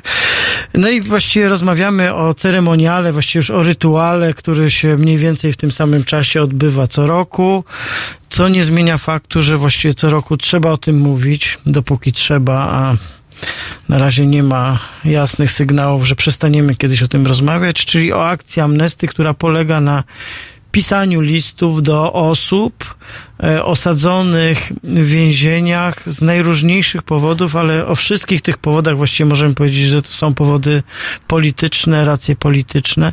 Czy te listy, y, bo chciałbym, żebyś opowiedziała, do kogo w tym roku piszemy listy, y, gdzie trwa ta akcja, gdzie można y, się dowiedzieć y, i też do jakie przypadki, tak, bo zawsze wybieracie 10, mniej więcej kilka, około 10 przypadków, które w tym roku jakby są i pisze się te listy do tych ludzi, którzy siedzą, czy też do władz, które ich posadziły? Piszemy listy, podpisujemy też petycje i do władz, które e, są odpowiedzialne za sytuację e, osób, które bronimy, ale też pisze- piszemy listy solidarności, wysyłamy e, różne inne wiadomości solidarnościowe właśnie do tych osób, które są dotknięte całą sprawą. I może powiem tak, w tym roku maraton jest o tyle mm, specyficzny, że piszemy sprawie e, młodych ludzi. Wszystkie, wszystkie sprawy, które zostały wybrane na tegoroczny maraton dotyczą młodych ludzi w 10 krajach świata i zależało nam na tym, żeby oczywiście poprzez e, ich konkretną sytuację naświetlić problemy, które są problemami systemowymi. E, Zależało nam też na tym, żeby pokazać pozytywnych bohaterów, żeby pokazać, że to są ludzie, którzy właśnie walczą bardzo często o swoje prawa albo o prawa całej wspólnoty, więc e, spośród tych bohaterów e, i bohaterek tegorocznego maratonu na przykład jest młodzież z e, Grassy Narrows z, z Kanady, z, z rdzennej e, społeczności Anisha Mamba. B, która to walczy o, walczy o to, żeby e, ich środowisko zostało oczyszczone, żeby problemy zdrowotne, żeby rząd kanadyjski wziął na siebie problemy zdrowotne, które spowodowane są e, z zatruciem rtęcią, do którego doszło ponad 30 lat temu e, i żeby też wziął, spełnił obietnice, które już padły, że, że, że e, ludzie dostaną odszkodowania, że zadbają o, e, o leczenie tych chorób, które są właśnie za, z, zapoczątkowane tym zatruciem rtęcią. Więc to jest jeden z takich przykładów. Mamy też e, filipińską e, aktywistkę, która walczy e, przeciwko zmianom klimatycznym i kryzysowi klimatycznemu, stawia czoła. Między innymi dlatego, że sama doświadczyła właśnie, co się dzieje e, przez to, że, że, że e, tajfun Jolanda zniszczył jej dom i zniszczył dom wielu osób e, na, w miejscu, w którym mieszkała na Filipinach. I tutaj mamy tak naprawdę taki szereg osób, które mm, są, czyje prawa są łamane, ale też są wyjątkowo wrażliwe sytuacje właśnie też ze względu na swój wiek. Tak, bo tutaj są nawet takie kilkunastoletnie osoby, 14, tak, 15-latki. Mamy e, i tak, informacje możemy znaleźć na stronie po prostu. Informacje możemy znaleźć na stronie Amnesty, to jest e, maraton.amnesty.org.pl e, i tam też można znaleźć miejsce, w którym piszemy. Piszemy jak na razie w 690 miejscach w Polsce, ale jeśli ktoś nie może znaleźć e, swojego, e, swojej miejscowości na naszej mapie, jeszcze jest czas, żeby się zgłosić i zorganizować maraton samemu albo razem z znajomymi przyjaciółmi. E, można też podpisać, czekając na maraton w swojej miejscowości, można też podpisać się pod petycją, ponieważ doświadczenie z poprzednich lat nas do, nauczyły, że warto skorzystać z każdego kanału, którego mamy do dyspozycji. W związku z tym, oprócz tego, że wysyłamy klasyczne listy pisane ręcznie, wysyłamy również petycje wysyłane w sposób elektroniczny. Mhm. E, I mówisz, że to jest ponad 600 miejsc w Polsce, W tak? tym momencie to jest 690 miejsc. Czyli 700 właściwie, prawda? Prawie 700. 700 miejsc. I to jakby, bo to pisanie się rozpoczęło już, prawda? Rozpoczęliśmy w piątek, e, 29 listopada. Piszemy do 15 grudnia, czyli przed nami są właściwie tych kilka tygodni pisania i spotykania się. Bo Maraton jest też okazją, żeby spotkać się z ludźmi, którzy po pierwsze wierzą w siebie i swój własny głos i dlatego się zdecydowali kilka słów napisać e, do możnych tego świata. A po drugie to jest też okazja, żeby właściwie przekonać się, że, że o wiele więcej można zadziałać, jeżeli robimy to razem. Mm, W Warszawie są takie miejsca, nie wiem, centralne, czy albo które, nie wiem, działają tak intensywnie, że tam się można pojawić e, i po prostu wiedzieć, że wtedy jak się przyjdzie w jakichś ludzkich albo nieludzkich godzinach, to po prostu będzie można usiąść i napisać? E, tak, w Warszawie są również takie miejsca. Ja bym tutaj nie powiedziała, że one są bardziej intensywne, bo naprawdę w wielu miejscach całej Polsce dzieją się rzeczy niesamowite, czasami bardzo często przygotowane właśnie przez młodych ludzi. E, w Warszawie będziemy pisać w, w 13 grudnia w kafejce Życie jest fajne na Ochocie, ale również 15, e, 15 grudnia będziemy pisać e, w Remoncie. W Remoncie piszemy od rana od 10 do e, 10 wieczorem. Mhm. Mm, Dobrze. I w, I w całej Polsce tam, co, znajdziemy na stronie po prostu listę miejsc, tak? Lista miejsc jest na stronie, jak również e, konkretne adresy, gdzie się odbywają e, maratony. Ja bym też zachęcała, żeby spojrzeć, ponieważ to nie jest tylko kwestia przyjścia na, na maraton, co oczywiście można zrobić. Jeżeli ktoś nie ma czasu, może przyjść, napisać list i, i e, nie spędzać za dużo czasu, ale również są różne inne wydarzenia, które maratonom bardzo często e, towarzyszą w wielu miejscach. Czasami to są koncerty, czasami to są debaty, czasami to są właśnie wręcz konferencje. W Krakowie będzie okazja do spotkania się z e, Sarą, jedną z, z naszych bohaterek maratonów. Sara jest e, wolontariuszką, która razem z Shane Mardini, tak? tak, ona razem z, ze swoim kolegą e, Shane'em działała na, na, na e, greckich wyspach i próbowała, ratowała ludzi, uchodźców, którzy e, dopływają do greckich wysp. I niestety, ponieważ mamy problem w tym momencie z kryminalizacją ludzi, którzy pomagają uchodźcom w Europie, w kilku krajach, to również ją spotkało, że po prostu w tym momencie grozi kara więzienia za to, że próbowała uratować ludzi. Więc też jest taka okazja, żeby spotkać się z Sarą w Krakowie Czyli- e, z 14 grudnia, więc ja No też super. zachęcam. Czyli to jest tak, że piszemy listy nie tylko do tych, którzy siedzą, tylko do tych, którzy mogą usiąść. Albo mogą zostać mogą- posadzeni. Tak, Niestety. tak, czekają na, na, na wyrok. Dobrze, to y, zróbmy może w ten sposób, że y, posłuchamy teraz muzyki, a potem wrócimy do tej opowieści i może przedstawimy y, te osoby, które jakby zostały przez was wybrane i i które w tym roku są adresatami, adresatkami tych listów, które możemy pisać. Jeszcze tylko przed, y, przed tą muzyką jedno pytanie. To jest e, akcja e, Amnesty w Polsce, czy to jest szersza akcja? Czy to jest na całym świecie? E, czy to jest, polska akcja specjalité de la maison? To jest akcja światowa, ale Mhm. wymyślona w Polsce. W związku z tym jest pewnego rodzaju maraton po polsku e, i, i wymyślono go właśnie przez aktywistów, aktywistki warszawskiej grupy w 2001 roku. I tamtej pory stał się największą imprezą, największym wydarzeniem e, prawo człowieczym na świecie. Okej, świetnie. To teraz R.E.M. i Losing My Religion i, i potem wracamy do naszej rozmowy z Draginią Nadażdin z Amnesty International. Dzień dobry, nazywam się Kuba Wątły. Jestem pomysłodawcą projektu Halo Radia, pierwszego w Polsce w pełni profesjonalnego medium dla obywateli. Dla niektórych z Państwa jestem też ojcem dyrektorem, chyba dlatego, że czasami udzielam się w naszych programach nagle i z zaskoczenia. I dobrze, wszak dobre toruńskie wzorce są zawsze w cenie, no poza tym jednym. Pan Rydzyk gromadzi pieniądze, by nas dzielić i z czasem doprowadzić do wojny domowej na tle religijnym. My prosimy natomiast Państwa o wsparcie, by móc z Wami rozmawiać, by wspólnie się uczyć, by tolerancję zastąpiła akceptacja. Zauważyliście, jak różne są te dwa słowa? Akceptujmy siebie i akceptujmy to, że po 30 latach, od 1989 roku, tylko dzięki państwu możemy tworzyć medium bez udziału polityków i nie na pasku korporacji.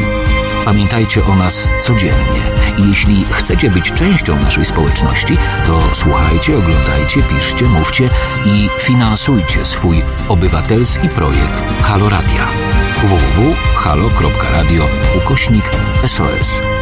Dziękuję w imieniu wszystkich dziennikarzy i swoim własnym.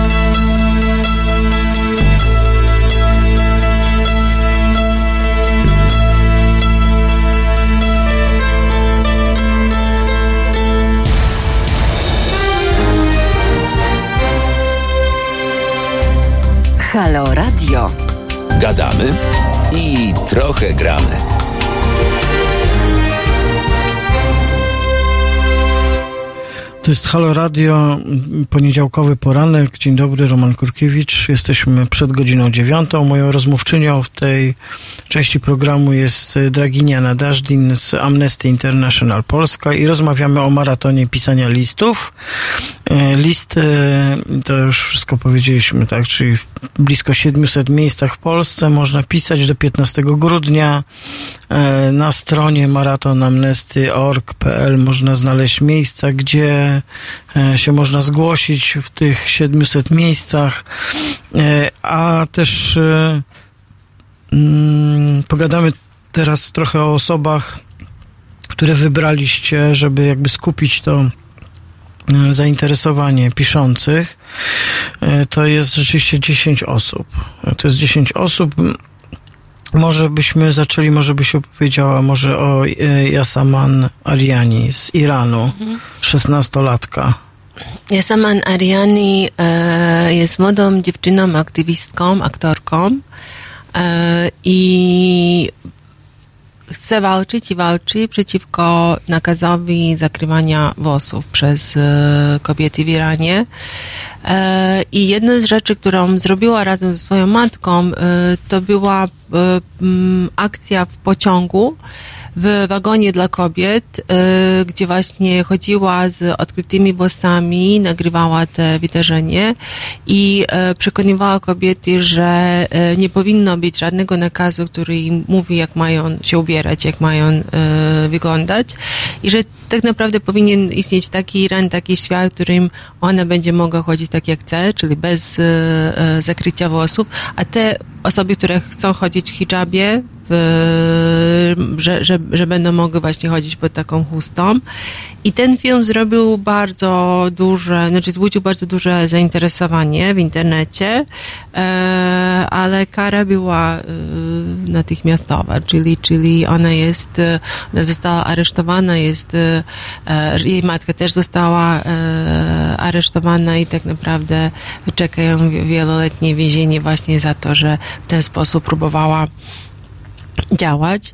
E, i e, niestety jej sytuacja jest właśnie jedną, tylko jedną sprawą, którą, e, którą, którą, którą używamy, żeby pokazać ogólny problem, który, z którym mamy do czynienia w Iranie, czyli dyskryminacją kobiet, e, ale też bardzo trudną sytuacją obrończyń praw kobiet, bo e, ja sama nie jest pierwszą obrończynią praw kobiet, która trafiła do więzienia za swój pokojowy aktywizm, ale również chcemy pokazać to, jak oprócz że tak powiem, takich regularnych e, działań e, państwa, jakim jest właśnie sąd, e, że w Iranie mamy tak zwaną policję moralną, którą, gdzie, gdzie, gdzie właśnie działają kobiety, które nieraz posługują się siłą, żeby ukarać te osoby, które w jakikolwiek sposób próbują walczyć o swoje prawa, między innymi właśnie odsłaniając włosy.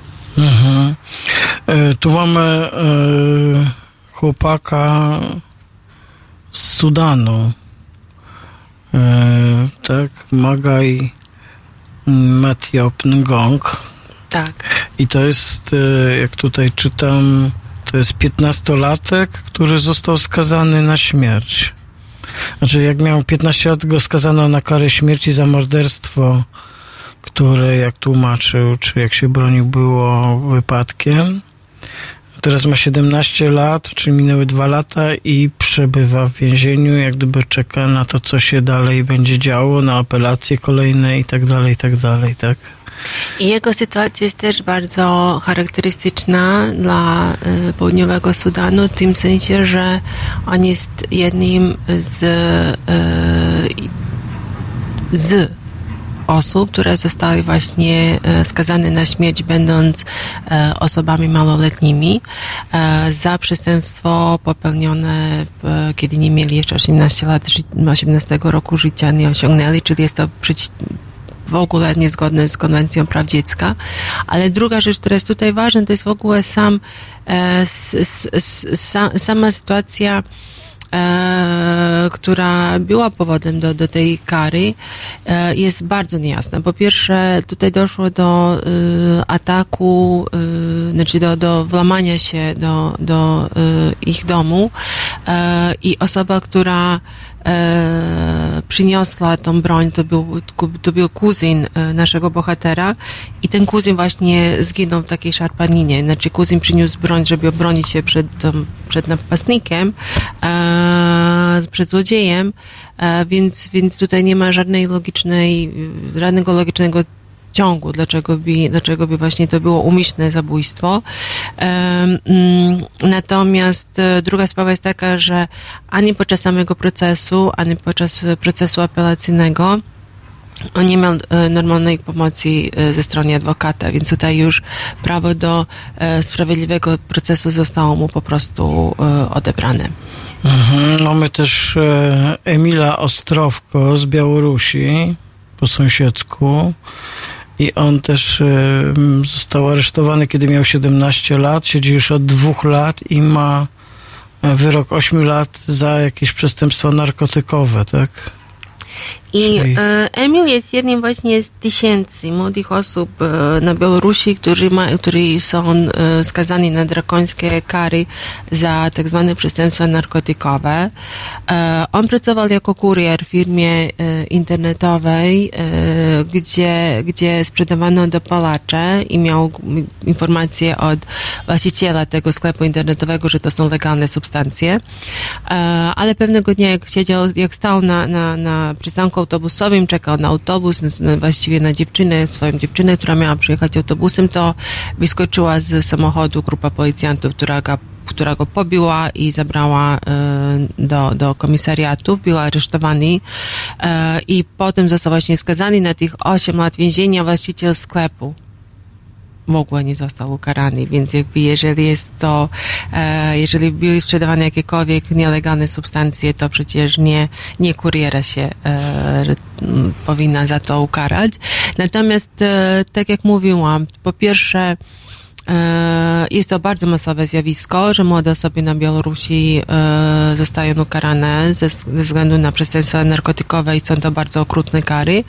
E, Po drugie, kwestia dotycząca właśnie też jego traktowania, czyli to, że został pobity przez policjantów na samym początku, ale również to, w jaki sposób e, ci młodzi ludzie, którzy są skazani za przestępstwa narkotykowe, są traktowani w koloniach karnych, to też jest bardzo niepokojące. E, Oni są traktowani nieraz o wiele gorzej niż e, pospolici przestępcy. Mhm. Tutaj jeszcze tak, e, żeby może wymienić jeszcze osoby, które wybraliście, to mamy e, Marinel Sumok Ubaldo z Filipin, też aresztowana jako, kiedy miała 16 lat, tak? I ona z kolei też w sprawach klimatycznych, tak, działa.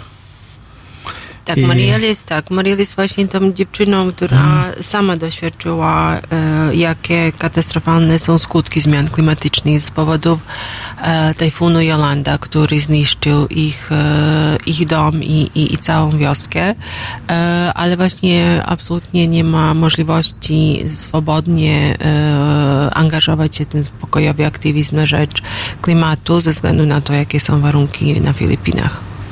Mhm. Dobrze, to jeszcze tak, wymienię chociaż y, te osoby. Jeszcze mamy e, Ibrahima S. Eldina z Egiptu, mamy tą młodzież, o której mówiłaś, z Grassy Narrows, mamy Jose Adriana, tak, z Meksyku, i mamy Nasu e, Abdulazisa z Nigerii, Nigerii. tak, E, i, i tu jeszcze mamy z Chin. Mamy Ujgura, e, młodego studenta e, Ujgura z Chin, który został aresztowany przez egipskie władze i e, od tamtej pory nic o nim nie wiadomo. Wiemy tylko, że jest dostarczony Chinom. Okej, zapraszamy w takim razie Państwa do uczestniczenia w e, maratonie pisania listów zorganizowanym przez Amnesty International. Akcja trwa w całej Polsce do 15 grudnia jeszcze.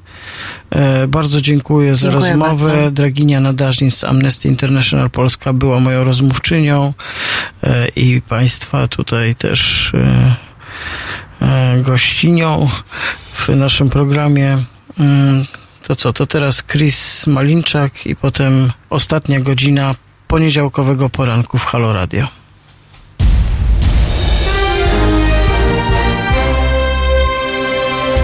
Halo Radio emituje swoje programy na żywo codziennie od 7 do 10 i od 15 do 23. W weekendy od 11 do 23. Nocą Halo Radio gra powtórki najciekawszych programów dla naszych rodaków z oceanu. www.halo.radio. Słuchaj na żywo, a potem z podcastów.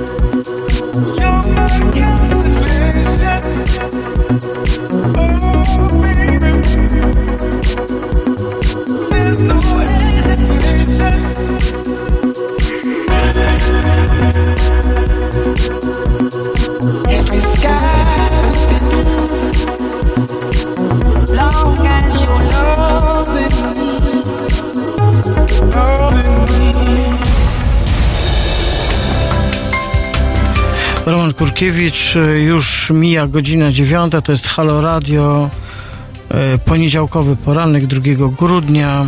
Rozmawialiśmy dzisiaj już o bardzo wielu tematach. I będziemy rozmawiać y, dalej, właściwie teraz pretekstem do rozmowy w tej części mm, programu jest z jednej strony konferencja, e, która odbywa się w Muzeum Polin, bardzo ciekawa i taka nieoczywista. E, Już Państwu o niej opowiadam. To jest konferencja, która dotyczy biografii ludzi lewicy o pochodzeniu żydowskim. I to jest wielka międzynarodowa wielka międzynarodowa konferencja. Ona się dokładnie nazywa Biografia i polityka, udział Żydów i osób pochodzenia żydowskiego w ruchach lewicowych w XIX i XX wieku w Polsce. E, I jak piszą organizatorzy, celem konferencji jest nakreślenie obrazu faktycznego zaangażowania Żydów w działalność ruchów lewicowych na ziemiach polskich w XIX-XX wieku z perspektywy ich indywidualnych wyborów ideowych. Jednostkowe historie, losy rodzin, kształtowanie się tożsamości politycznej analizowane metodą biograficzną pozwolą odpowiedzieć na pytania o motywację polskich Żydów wstępujących do ugrupowań lewicowych. Ta konferencja zaczęła się się wczoraj i dzisiaj jeszcze będzie, e, będzie trwała cały dzień. E, za chwilę e, w studio będzie jeden z uczestników tej konferencji, pan Eryk Krasucki, autor dwóch książek mm, niezwykłych, które dotykają tego tematu i też, jak rozumiem, będzie miał referat podczas tej konferencji. Pan Eryk Krasucki jest historykiem E, pracującym pracującym na Uniwersytecie Szczecińskim chyba i też był przez, e, tak, w Instytucie Historii Stosunków Międzynarodowych Uniwersytetu Szczecińskiego, e, ale też e, miał jakieś związki z Instytutem Pamięci Narodowej. Napisał przed paroma laty świetną książkę pod tytułem Międzynarodowy Komunista Jerzy Borejsza, biografia polityczna, wydaną przez PWN, a ostatnio w tym roku ukazała się jego książka Jednak coraz silniej wierzy że życie i los Witolda Kolskiego i o tym wszystkim e, porozmawiamy z e, autorem już wkrótce.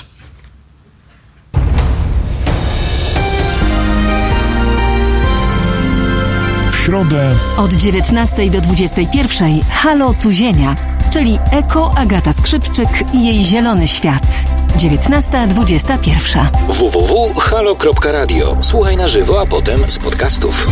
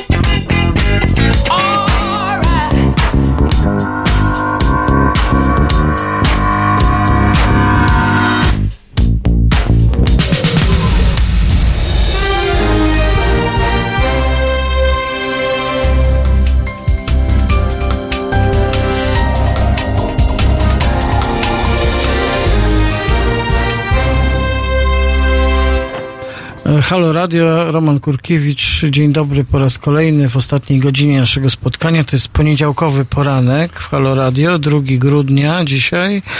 E, Gościem w tej ostatniej części e, naszego spotkania i rozmowy jest pan e, Eryk Krasucki, historyk, autor dwóch, przynajmniej tych, które ja znam, dwóch książek biograficznych o polskich komunistach, e, o korzeniach żydowskich, e, e, czyli o Jerzym Borejsz, e, założycielu czytelnika i o mniej znanej dzisiaj postaci, a właściwie można powiedzieć zapoznanej, czyli Witoldzie Kolskim, e, komuniście, który zginął w 1943 roku, więc on też jakby nie wykroczył poza, poza ten czas II wojny światowej. E, Jest pan, e, spotykamy się dzięki temu, że przyjechał pan i miał pan wystąpienie na konferencji zorganizowanej w Muzeum Polin e, o biografiach biografię i polityka, tak? To ja już tutaj to przeczytałem, co to było. Gdyby pan od, ze swojej perspektywy powiedział, co to za konferencja, ona, prawdę mówiąc, jest dość ciekawa, wydaje mi się. Nie tylko dość. Bardzo, Bardzo ciekawa. bardzo ciekawa.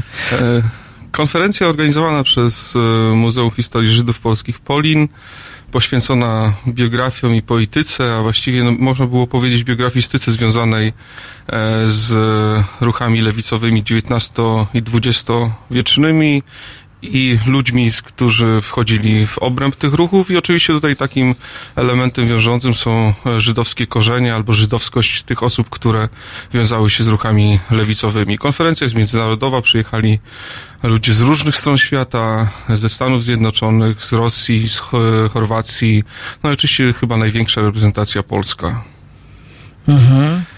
I pan miał wczoraj w końcu się okazało, tak? Zgadza się. E, Swój e, referat i pan mówił e, co o w ogóle o Mówiłem o e, grupie e, przywódców, przywódców Komunistycznej Partii Polski, którzy mieli korzenie e, żydowskie, czyli jest to grupa e, 40 osób, tak to się przynajmniej udało mi policzyć. W każdym razie to liczenie też jest problematyczne, dlatego że no właśnie niektórym muszę przypisać żydowskość wbrew ich e, e, identyfikacji, tożsamości. Mamy takie przykłady jak Mieczysława Bernsteina-Redensa, który we wszystkich ankietach wpisuje e, Polak i czuje się Polakiem. Zresztą w pewnym momencie przeszedł na katolicyzm e, razem z, żoną, więc trudno mu, e, trudno go jednoznacznie określić jako Żyda.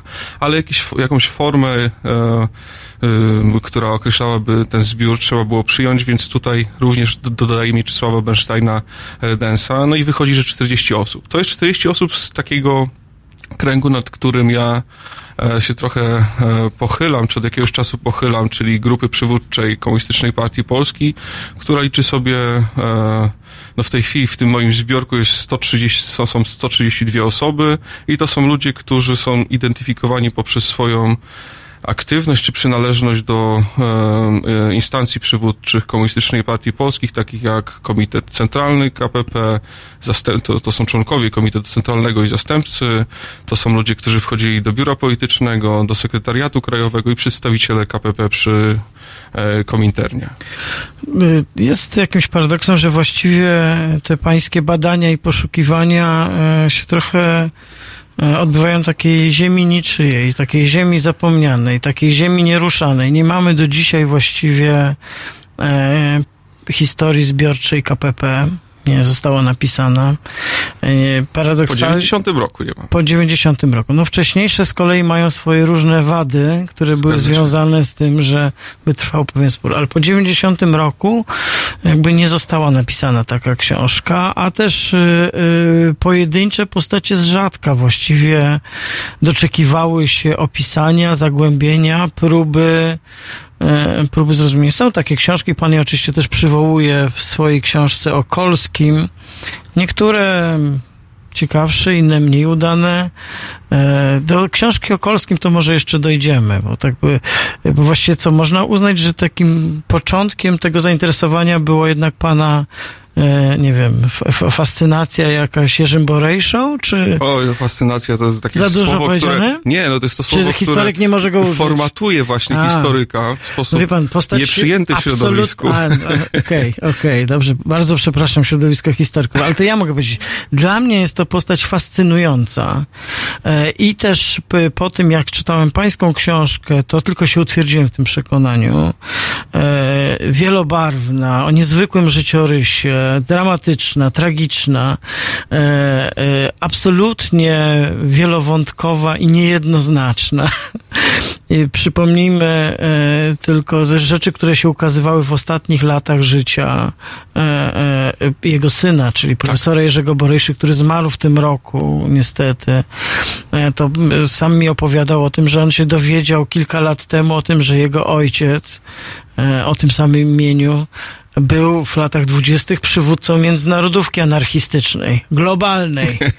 I To chyba zbyt dużo powiedziane. no, to może, może, ale tak czy owak był tam silny trop, e, e, taki w archiwach anarchistycznych w Amsterdamie się okazało, że jakieś zapiski w tej sprawie zostały. A potem, a potem twardy komunista, potem KPP, nie wyjechał na wojnę do Hiszpanii, chociaż właściwie wydawałoby się, że to jest... różnego rodzaju opiniom, które krążą Tak, na ten tak. temat. E, a z drugiej strony, no, przeżył czystkę w 1938 roku, gdzie właściwie całe, niemal całe kierownictwo KPP. Tak, tylko że on nie był w kierownictwie. To no był tak, jeszcze wtedy tak, on był wtedy jeszcze, tak, młokos.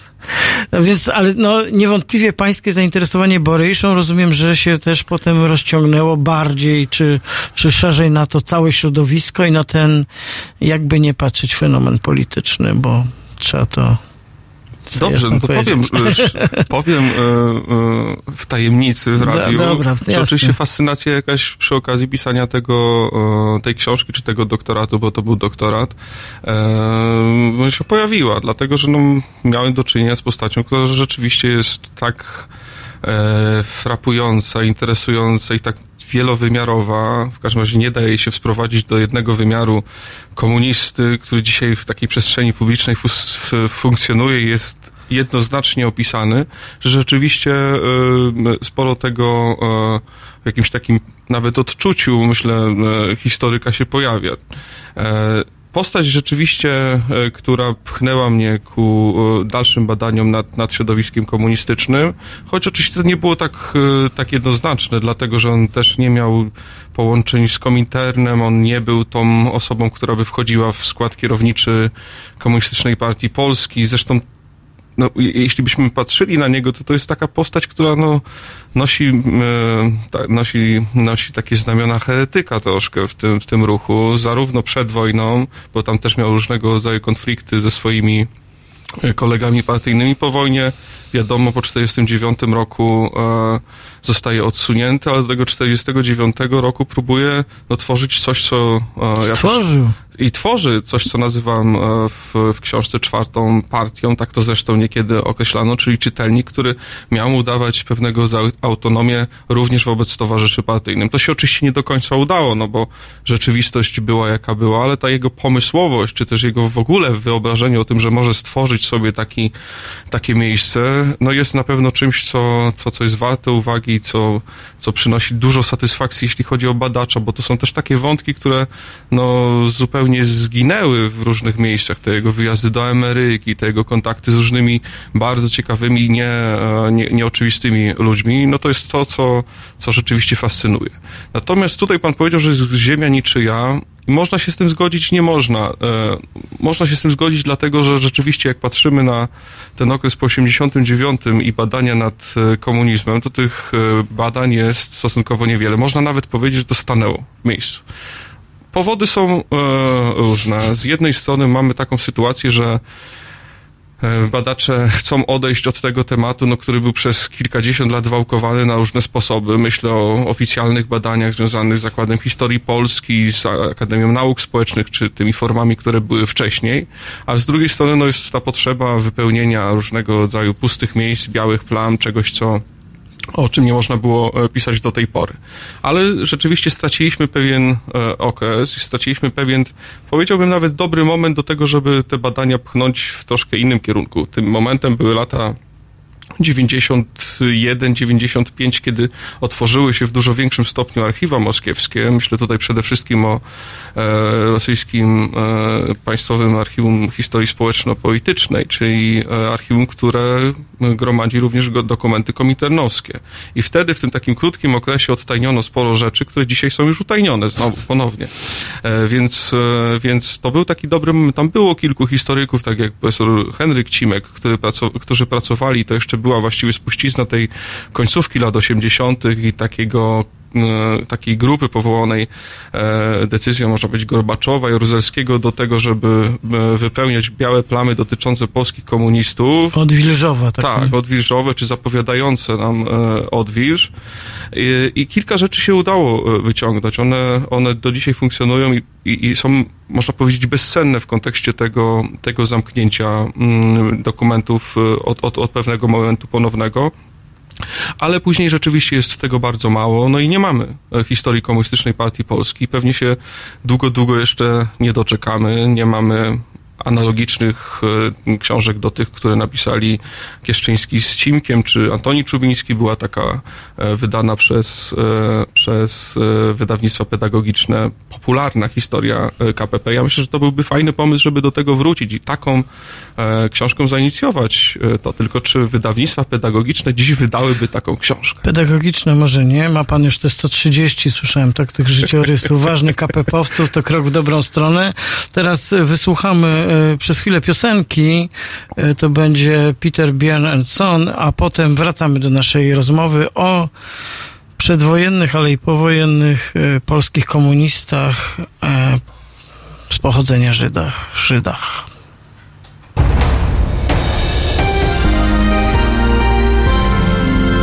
Dziś Od 21 do 23 telefony od państwa odbiera Jacek Zimnik. Rozmowa, dialog, zrozumienie i żadnej agresji.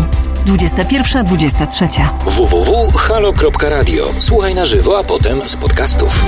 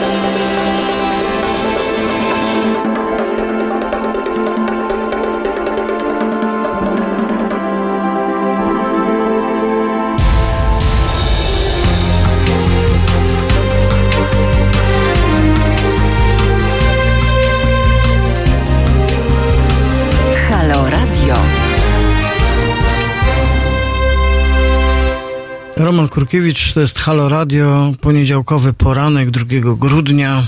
W tej ostatniej godzinie rozmawiamy o czymś zupełnie pasjonującym, czyli o historii polskich komunistów, którzy byli Żydami. E, rozmawiam z panem Erykiem Krasuckim z Uniwersytetu Szczecińskiego, historykiem, autorem e, no, e, przynajmniej różnych opracowań, tekstów, ale dwóch książek, które dotyczą takich biografii, czyli jedna to jest o Jerzym Borejszy, Międzynarodowy Komunista i książka wydana w tym roku, no jest Tak. w tym, e, wydana przez e, też Uniwersytet właśnie, Uniwersytetu tak, Szczecińskiego. E, To jest książka, a jednak coraz silniej wierzę, życie i los Witolda Kolskiego, dużo mniej znanego komunisty polskiego. Tak, człowieka, który zginął mając lat tam 42, 3 mniej więcej w niejasnych zresztą okolicznościach, ale rozmawialiśmy trochę o pisaniu o tej historii, o tym elemencie polskiej historii politycznej, o takim zapoznaniu tego tematu, o zepchnięciu ich na bok. No sytuacja teraz w ogóle się powiedziałbym tak też radykalizuje, bo, bo je, jeśli jeśli słyszę, że e, w luźnej rozmowie radiowej szef SLD Włodzimierz Czarzasty kusi się nawet nie o banalną uwagę, tylko po prostu o skon, skon, skonstatowanie faktu, że Armia Czerwona wyzwoliła Polskę, czy tak od Niemców, od hitlerowskich Niemców w 45, 44, 45 roku i, i, i w reakcji na taką wypowiedź, która mm, naprawdę nie narusza żadnego status, e, statusu wiedzy naszej historycznej, e, ktoś tam reaguje i zgłasza to do prokuratury, to mamy sytuację bardzo dziwną. E, W Polsce trwała w ostatnich latach też taka batalia o e, związana z taką polityką dekomunizacyjną, która polega na tym, że się pozbawia nazw ulic, placów, innych tam szkół, osób, które według IPN-u są osobami, które na to nie zasługują. To są właśnie najczęściej osoby związane z ruchem komunistycznym albo lewicowym. Mm, Wśród nich też są osoby pochodzenia żydowskiego.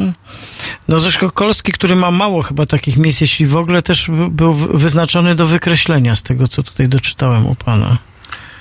No on był wy- wyznaczony do wykreślenia e, już właściwie po 56 mam mm, takie wrażenia, do 56, czy pomiędzy 45 a 56 rokiem funkcjonował na zasadzie takiego zacu. Mam, mam też e, z kolei takie przekonanie, dlatego że no wiemy, że nie można było e, przywracać ludzi z KPP, pisać o Adolfie Warskim, o Henryku Waleckim, Marii Koszuckiej, e, Julianie Leńskim, no bo oni wszyscy, e, biorąc pod uwagę 37-38 rok, likwidację KPP uznani zostali za e, szpiegów, za prowokatorów, za ludzi Piłsudskiego, którzy chcą zniszczyć od środka ruch komunistyczny. No i przypomnijmy, zostali zamordowani. Zostali w Związku zamordowani i ta anatema nie została zdjęta do 1956 roku, więc powstawał pewien paradoks, bo do władzy doszli w 1944-1945 roku ludzie, którzy no, wywodzili się z KPP, byli bardzo mocno związani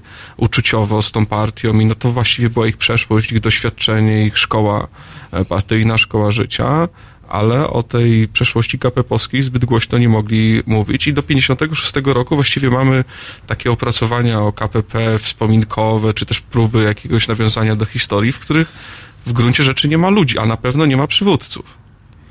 I ten Kolski, który rzeczywiście wchodził w pewien, e, w pewien sposób członkiem sekretariatu krajowego, więc wchodził do tych instancji, brał udział e, w zjazdach partyjnych, e, w, w siódmym kongresie Kominternu, a więc był osobą znaczącą, jako że przeżył, bo siedział... Przeżył, bo na szczęście siedział w Berezie Siedział w. Berezie Kartuskiej, e, mógł być, że tak powiem, wyciągnięty i można było wydać opracowanie jego tekstów e, z lat 20., 30.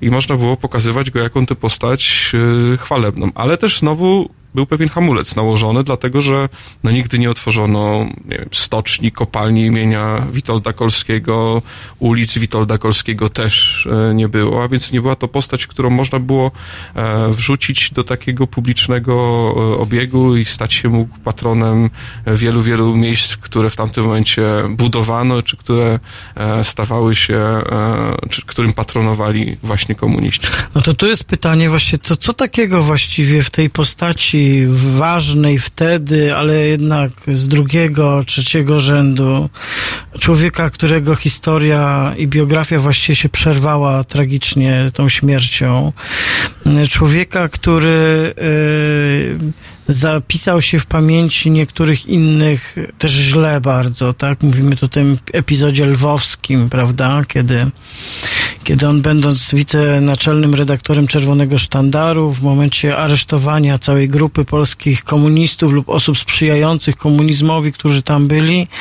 e, no, napisał taki tekst, którym e, no, jakby odcinał się od nich, potępiał ich, właściwie w, tak wśród tych osób był Władysław Broniewski, Aleksander Wat. Aleksander Wat, który opisuje oczywiście i postać, i tę historię w, s- potem w swoim moim wieku. Yy, No, Broniewskim to po prostu Broniewskim to szoruje podłogę, można powiedzieć, jako pijakiem, Piłsudczykiem, człowiekiem, który walczył ze Związkiem Radzieckim. No agentem wprost. agentem w roku 1920. Właściwie jak czytałem pańską książkę, nie przeczytałem jeszcze tego e, Dziennika. aneksu, tego dziennika wojennego, bo nie, nie wyrobiłem się, ale to jednak e, z, z każdą stroną niemal bar, coraz bardziej sobie zadawałem pytanie, co takiego pana w nim zafascynowało? A jak pan myśli? No, myślę, że taka, z jednej strony y, y, y, on jest właściwie taką wzorcową postacią, która tak idzie jako taki działacz, intelektualista, ale który próbuje być i tam, i przechodzi to szkolenie wojskowe, że y, zaczyna bardzo młodo, tak, że to jest właściwie całe jego życie, przechodzi cały ten cykl prześladowań, że właściwie jest też takim krzywym zwierciadłem II Rzeczypospolitej. Z trzeciej strony, że on próbuje grać, że on jest tym świętym Franciszkiem komunistów, tak jak pan tam gdzieś używa takiego Tak. określenia, że ma w sobie tak, jakiś rodzaj krystaliczności, potem zakłóconej tym Która epizodem lwowskim która, która, jak rozumiem, tutaj może przerażać w takim swoim elemencie fanatycznym, tak? Czyli, że on na przykład, będąc osobą o dużych walorach intelektualnych, nie ma w sobie tej krytyczności, wątpienia, e, przyjmuje pewne rzeczy e, po prostu tak partia chce, tak chce Stalin, tak jest dobrze, nie? Coś takiego, że w tym sensie to jest tragicznie uformowany jakoś tam niezwykły człowiek. Tak, to, i tu Tak? chyba e, chwyta pan sedno sprawy, dlatego że on jest, no można go zestawić z moim pierwszym bohaterem, czy bohaterem pierwszej mojej książki, czyli Borejszą, z zupełnie innym. Nie ma Są tej, nie, to w ogóle postaci, które ze sobą w żaden sposób tak. nie korelują. bohemę Tak. komunistyczną, po prostu... A tutaj mamy fanatyka, no w takim e, Ale najpełniejszym takiego tego niespełnionego de słowa, facto. Niespełnionego, dlatego że no, ta śmierć przeżywa, e, prze, przerywa pewnego rodzaju życiorys, a z drugiej strony to środowisko go też e, już w latach 40., myślę po 41 roku e, odsuwa na bok. Zresztą w samym okresie lwowskim oni go po prostu częstokroć boją, no bo jest kimś, kto e, spełnia ten wizerunek e, idealnego, czystego e, towarzysza, ale to, jak się okazuje, jest w takich warunkach, jakie powstały w Lwowie, czymś, co no nie, nie, nie budzi e, sympatii, nie budzi zaufania, a przede wszystkim może przerażać. Ale rzeczywiście on jest dla mnie ciekawy. Ja powiem, że dziennik jest początkiem e, tego, e, tego No, pomysłu to, na co książkę. przede mną jeszcze. I to jest przed panem. Dziennik jest rzeczą wyjątkową w kontekście naszego rozpoznania tego środowiska, dlatego że nie mieliśmy podobnego dokumentu odnoszącego się do okresu wojny. Powiem tylko, że dziennik dotyczy lat 41-43 i to są jego codzienne zapiski e, jako oficera polityczno-wychowawczego w Armii Czerwonej, ale z e, ciekawymi odnośnikami do okresu przedwojennego, do okresu lwowskiego, przede wszystkim jednak też pokazujące go troszkę inaczej z perspektywy ludzkiej, e, osobowościowej, bo tam jest sporo takich fragmentów, które dotyczą jego rodziny, jego żony pozostawionej, dziecka pozostawionego Syna w Lwowie. Piotra. I to też jest przykład, że on właściwie oddaje się partii, porzucając tych swoich najbliższych i cierpi z tego powodu. Ale jest to rzeczywiście postać, która, którą można uznać za wzorcową dla pewnego pokolenia. Bym, e, ja bym to nazwał taką grupą, e, która przychodzi i wchodzi w dorosłość już po zwycięstwie rewolucji e, rosyjskiej po 1917 roku. I ona bardzo wyraźnie odróżnia się od tych ludzi, którzy, e, którzy działali wcześniej, czy to w socjaldemokracji Królestwa Polskiego i Litwy, czy to w e, PPS-ie, czy PPS-ie Lewicy.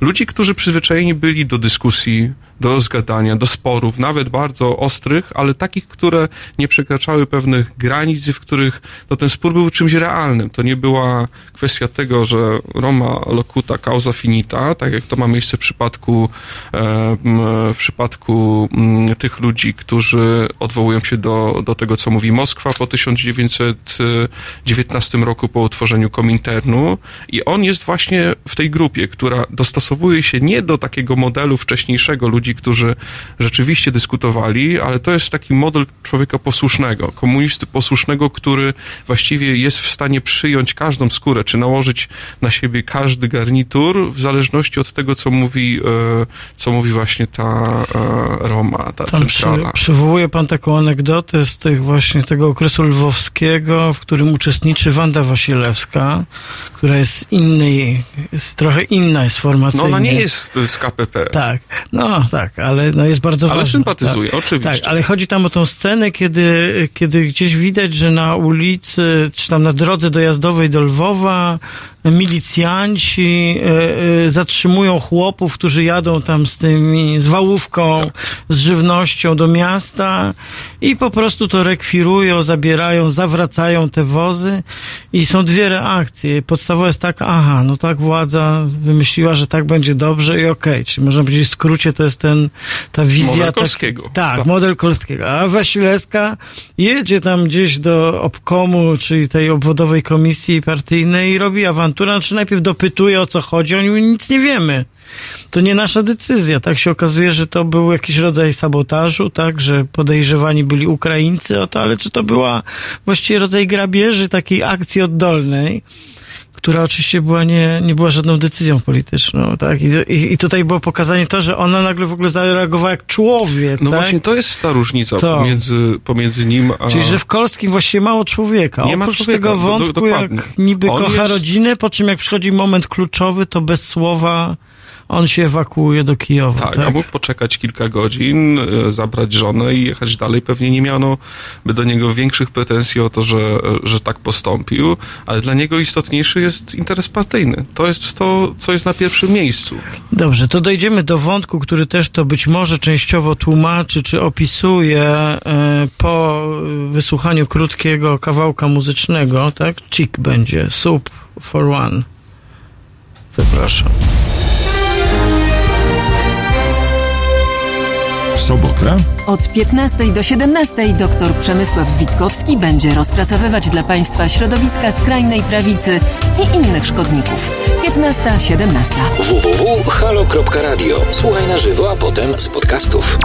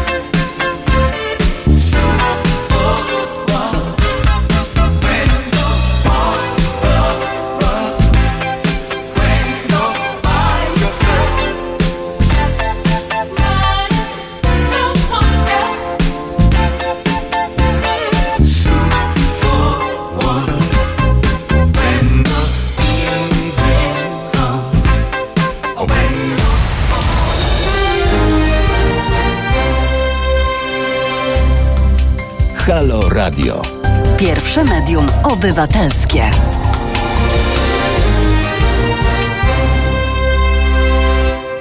Roman Kurkiewicz, Halo Radio. Kończymy powoli poniedziałkowy poranek yy, i nasze spotkanie od godziny siódmej. Już jest blisko za 15 godzina dziesiąta.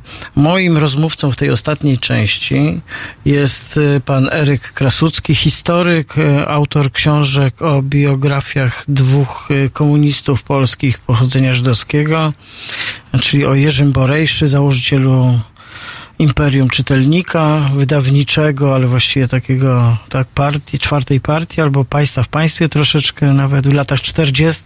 przez kilka lat, przez cztery lata, właściwie przez pięć lat niecałe stworzył to imperium. I książki wydanej w tym roku o Witoldzie Kolskim, takim komuniście, który e, zginął w czasie wojny w niejasnych do końca okolicznościach. Na pewno był zrzucony na spadochronie do, na teren Polski. Miał tu odegrać jakąś polityczną rolę po zabójstwie Nowotki i potem ojca. Takich dziwnych też nie, nie do końca powyjaśnianych bratobójczych walkach polskich komunistów, którzy tutaj instalowali się pod przejęcie władzy. Ale Kolski jak gdyby e, w przejęciu władzy w Polsce Ludowej udziału nie brał, bo zginął w 1943 roku, najprawdopodobniej po nieszczęśliwym wypadku przy lądowaniu na spadochronie. On nie był osobą fizycznie sprawną, ten wątek powraca. Był po prostu takim intelektualistą, szczupłym, chudym, przygarbionym, zaczytanym. Tu nie ma na zdjęciu okularów. Miał okulary, nosił? Czy Nie, nie miał Nie miał. A, czy miał dobry wzrok, Sokoli. Wychodzi poza ten y, taki wzorzec mózgowca. Tak, tak, no, bez okularów. No cóż. Niewiarygodny intelektualista.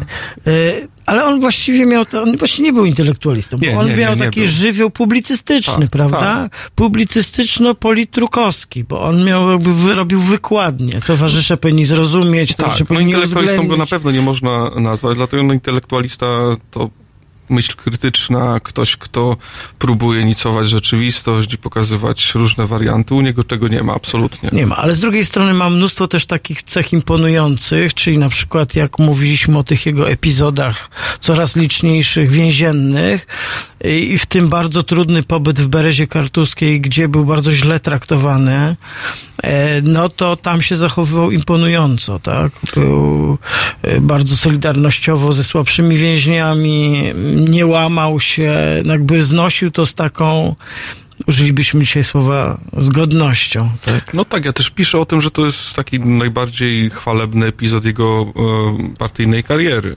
I tutaj co do tego nie mam wątpliwości. On w Berezie był przez 19 miesięcy, czyli to jest, biorąc pod uwagę warunki, sposób traktowania więźniów, z jakim tam mamy do czynienia, właściwie nie więźniów, bo to są ludzie, którzy są zatrzymani na podstawie administracyjnej decyzji e, i właściwie ten status ich jest, jest bardzo skomplikowany, ale e, rzeczywiście e, bardzo dobrze się tam zachowuje. Nie ma żadnych właściwie świadectw, które pokazywały, że gdzieś tam jest e, podłamanie, jest sytuacja, w której gdzieś pojawia się jakaś e, niemoc. Mamy do czynienia właśnie z tym takim słabym fizycznie e, człowiekiem, który przetrzymuje piekło. Tak można by było powiedzieć, bo to też dzisiaj zupełnie zginęło. Ta bereza stała się... Przecież no, mamy, druga Rzeczpospolita jest po prostu rajem, mlekiem i miodem miejscem, płynącym, no to na Berezę w tej opowieści nie bardzo jest miejsce. Z kolei inni mówią, że to Bereza właśnie jest tą soczewką, która pokazuje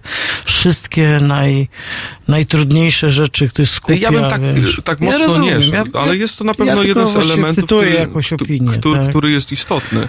Ale rzeczywiście ta Bereza też, po, wydaje mi się, y, jest takim momentem, który pozwala e, Kolskiemu zaistnieć po 45 roku, bo to też jest pewnego rodzaju no, szacunek Mhm. dla niego i legenda, która, e, która płynie za nim. A Leonard Borkowicz, między innymi późniejszy wojewoda szczeciński, będzie e, współ, współwięźniem i on też będzie pisać wspomnienia dotyczące właśnie Berezy. I to mimo tego, że e, wydarzył się Lwów, bo ten Lwów jest takim chyba momentem, który w największym stopniu będzie przeszkadzać e, temu, żeby on się właśnie stał tym patronem ulic i tak dalej. Ten artykuł, o którym pan wspomniał, czyli zgnieść godzinę e, nacjonalistyczną ze stycznia 1940 roku, to jest rzeczywiście artykuł wstępny. To jest, mówiąc krótko, donos złożony na tych ludzi, którzy mm, są opisywani w nim, na Broniewskiego, Wata i dla jednych się to skończyło lepiej, dla drugich się to skończyło gorzej. Nie wiemy, co by było po 1941 roku, ale No no tak. właściwie można się można się zakładać, czy, Bore, czy Bo- Broniewski wyszedłby z tego więzienia. I tutaj mamy taką sytuację, można powiedzieć, dwuznaczną. Z jednej strony mamy Broniewskiego, który staje się mm, wielką postacią e, literatury polskiej po 1945 roku i mamy Kolskiego, który na niego donosi. I co, będziemy obu e, ich wynosić na e, pomniki? Tak się nie da, więc ten Kolski jest schowany, ale jednocześnie ta Bereza, jego przynależność do KPP i udział w różnego rodzaju strukturach przywódczych przywódczych, daje mu e, asumpt do tego, żeby jednak funkcjonować. No To też jest taki rodzaj żywota takiego zawodowego rewolucjonisty, Bez prawda? względu. Że, że właściwie od momentu, kiedy on był kilkunastoletnim chłopcem i wszedł w ten rytm, te kolejne organizacje, kolejne, a potem jakby już to KPP, więzienia, kolejne e, e, przerzucanie się zresztą z bardzo wielu różnych miejsc, bo on był, funkcjonował w wielu miejscach, bo i na Śląsku, i w Krakowie. Bardzo zaskakujących czasem. W różnych tak miejscach i że to był taki właściwie taka, taka orka organizacyjna, tak? On też nie był takim wielkim trybunem ludowym, prawda? Więc on po prostu wykonywał taką niewdzięczną, ciężką robotę, niezwykłą i też ryzykowną.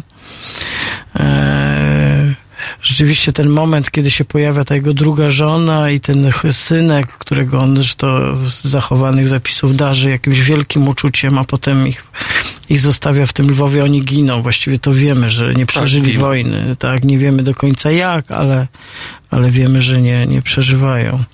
Taka dziwna postać bardzo. Bardzo bo, bo dziwna. wśród tych komunistów, o których też tu mówimy, czy też o których jest tak, jest tak niezwykła, e, e, czy przynajmniej ja tak uważam, liczba tak, ludzi o tak niesamowitych życiorysach, takich barwnych, takich wie, bo u niego to jest taka linia prosta, właśnie on tak idzie, idzie, idzie, tak marszeruje tą lewą, coraz bardziej salutuje. E, przedziwne to jest. takie. Przedziwne, ale to też dla mnie było pewnego rodzaju wyzwanie e, zawodowe, dlatego że no, Czy jest, można napisać ciekawą książkę o No tak właśnie. nudnej O, postaci? z jednej strony o nudnej postaci, a z drugiej po, strony postaci, e, która ma tak nikłą dokumentację, bo rzeczywiście tych, e, tych dokumentów dotyczących świadectw, różnego rodzaju materiałów, które można by było wykorzystać, jest bardzo niewiele. I to tam, tam e, to, o tym piszę na wstępie, że to jest takie, e, takie wy, wy, wyszukiwanie jakiejś tam tkanki żywej w tej muszli, która w gruncie rzeczy jest, e, jest bardzo skąpo e, obdarzona. Więc mamy tutaj e, sytuację, w której no, z jednej strony jest ten wariant wyzwania e, badawczego, a z drugiej strony postać, która z jednej strony jest linia prosta, tak jak pan mówi, ale wydaje mi się, że to też jest ważne, żeby pokazać taką postać i starać się zrozumieć, tak powiem, ten jego wybór, jego los, jego sytuację w różnych, w różnych momentach, tak żeby, że tak powiem, nie było sytuacji, w której my możemy mówić, że komunista to jest taki komunista, towarzysz szmaciak, sformatowany na różne sposoby, a to by było najgorsze w moim przekonaniu, gdybyśmy w ten sposób mówili o przeszłości. No tak. e, To w ogóle w obu tych pana książkach jakby widać taki wysiłek, który je też e, wydaje mi się tak e, in plus bardzo odróżniają od wielu innych e, pozycji mówiących o, o tej grupie politycznej. To znaczy, że to jest taki realny, historyczny, z całym warsztatem historyka wysiłek, żeby spróbować zrozumieć. No, Nie oceniając, ale zrozumieć. Jakby za tymi wyborami, te wybory ani nie były szalone, ani dziwne. Ja na przykład miałem taki problem z książką, którą pan przywołuje tak marginalnie, e, koleżanki Patrycji Bukalskiej chyba, tak? O Lunie. O, o Lunie Brystygierowej. Brystygierowej. I powiem, ta książka mnie tak wymęczyła takim e, rudymentarnym brakiem zrozumienia skąd? Jak taka inteligentna, uzdolniona kobieta mogła zostać komunistką? No prawdę mówiąc, jak można było nie zostać komunistą? Ja bym zadał takie Mhm. pytanie w takim czasie, z, takimi, z takim backgroundem, wychodząc z takiego środowiska, będąc w takim otoczeniu politycznym. Więc też myślę, że to jest też y, taki moment, gdzie, gdzie, gdzie to opisanie tych komunistów z całym i dramatyzmem, albo z, nawet z tym fanatyzmem, o którym pan mówi w przypadku Kolskiego, to to jest jeszcze taka przygoda, która przed polskimi historykami jest. No ale z drugiej strony też doskonale pan wie, im bardziej się oddalamy tym, od tego momentu, będzie trudniej. łatwiej Ale, i trudniej. albo trudniej. No tak, ale te- teraz w ogóle jest taki moment bardzo trudny, bo to jest po prostu poza... Tak, ale też nie chciałbym tworzyć wrażenia, że historycy, którzy zajmują się komunizmem, to jest jakiś underground i ludzie, którzy w ciemnych piwnicach przy lampce piszą o, o, o, o, historii. Nie, to tak nie jest. Na razie nie ma pan przykrości. Nie mam żadnych Na przykrości. razie. Czasem pojawia się zdziwienie. Po co się e, pan zajmuje taką, e, takimi postaciami, skoro jest tyle pięknych, chwalebnych postaci, e, które można było pokazać i uczyć dzieci, e, jak pięknie zachowywali się Polacy na przykład. Tak. No to dzisiaj tutaj, wie pan, poświęcaliśmy trochę uwagi Polakowi, który, wie pan, dokonał tej szarży na londyńskim moście, Tak. atakując zamachowca kłem Narwala. To są historie. Ta historia jeszcze jest bardzo filmowa. U Kolskiego jest mniej tych filmowych historii. Niewątpliwie. Mniej filmowych, ale wydaje mi się też można by było stworzyć ciekawy scenariusz na podstawie tego filmu, na podstawie tego, tego życiorysu. życia, no. E, Nie wątpię, że dobry scenarzysta mógł wybrnąć naprawdę e, i e, stworzyć kilka takich, takich momentów, które by pokazywały skomplikowany ludzki los, bo to też jest ważne, żeby Tak. widzieć to w perspektywie ludzkiej. Wie pan, ja musiałem się z nim zetknąć, nie wiem, czytając Wata, czy wspomnienia Broniewskiego, ale oczywiście Tak. Ale nie nikt nie. rzuciłem go, tak, no bo to jakby, czy Stryjkowskiego, tak, czy, czy, czy, że jakby, czy znając dobrze Wielki Strach, tak, to był wątek, o którym już nie zdążymy porozmawiać, bo to byłoby ciekawe też. Kilian Stryjkowski, który też w tym czasie e, był w, w tym Lwowie, potem napisał tę powieść, która zresztą była, ukazała się w tak zwanym drugim obiegu. No tak, ten wielki strach też jest dla mnie takim tematem, czy, e, czy momentem, który wywołuje pewne e, wątki w tej książce. Ja wokół niego też buduję w jakimś stopniu narrację, próbuję zrozumieć No bo on tłumaczy wiele tak, zachowań. Tak. pan, to jest jakby ten, ten rodzaj y, wszechogarniającego strachu, takiego niewymiernego, przed zagrożeniem, które jest niewyrażone werbalnie, przecież expressis verbis, tylko gdzieś wisi, gdzieś Stąd pojawia. mamy też taką opinię chociażby Adama Warzyka, który twierdził, że Kolski e, napisał ten artykuł, żeby bronić pozostałych ludzi, którzy związani byli z czerwonym sztandarem. Więc niejednoznaczność, która się tutaj też pojawia. Dobrze, na koniec jeszcze zapytam, panie Eryku, y, to co, następna książka będzie jaka? O tych 130 jednak? Chciałbym, o tej to było- czołówce? Chciałbym, żeby to była ta książka. Centralnym? Roboczy tytuł Dzieci Saturna, e, czyli portret zbiorowy elity przywódczej Komunistycznej Partii Polski. Super, bardzo się cieszę na przyszłą lekturę. Może będzie okazja się spotkać. Bardzo bym na to liczył. E, No to co, to teraz musi pan pędzić na konferencję. Bardzo dziękuję państwu To ja dziękuję serdecznie. e, za spotkanie trzygodzinne w poniedziałkowym poranku w Halo Radio. E, W tej ostatniej części moim rozmówcą był pan Eryk Krasucki, historyk związany z Uniwersytetem Szczecińskim, autor dwóch książek o komunistach żydowskiego pochodzenia e, niezwykłych książek. E, Międzynarodowy komunista o Jerzym Borejszy i a jednak coraz silniej wierzę, życie i los Witolda Kolskiego. No kończymy to poniedziałkowe spotkanie. Dziękuję Tamarze za, za to, że zniosło tutaj realizacyjnie dzisiejsze trudy. Mm, Bardzo serdecznie jeszcze raz dziękuję za rozmowę i do usłyszenia. To jest Halo Radio.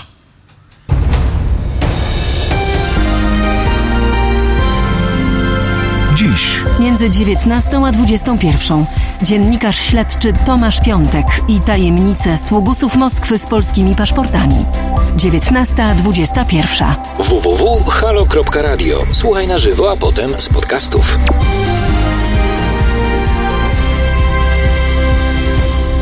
nazistów w Trójmieście, gangsterów, nazistów gangsterów w Trójmieście, e, ludzi, którzy, których rękach jest krew, e, ludzi, którzy handlują żywym towarem, ludzi, którzy jednocześnie wspierają, aprobują, lubią nazizm. Już nawet nie tam, że faszyzm, nie tam, że nawet jakiś nacjonalizm, nazizm. Swastyki Adolf Hitler, e, wyższość białej rasy, a jednocześnie handel narkotykami. To jest niezwykle ciekawe. Zapraszam to na w pierwszej części, a w drugiej części, w drugiej części pogadamy sobie z Agatą Szczęśniak i z Witoldem Mrozkiem o tym, kto i dlaczego e, może zostać kandydatem Konfederacji na prezydenta i dlaczego każdy z tych wyborów to koszmar dla Polski, Polaków, naszej przyszłości. E, więc zapraszam Państwa na tą audycję i proszę też dzwonić do nas, pisać do nas, pisać do nas w mediach społecznościowych. Będziemy ogromnie wdzięczni, a jeżeli Państwo jakimś cudem pominą, albo Państwa znajomi tę wspaniałą audycję, będzie ona dostępna w podcastach już za dzień, dwa. Także zapraszam.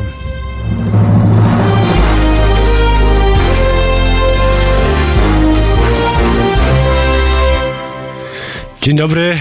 Dzień dobry.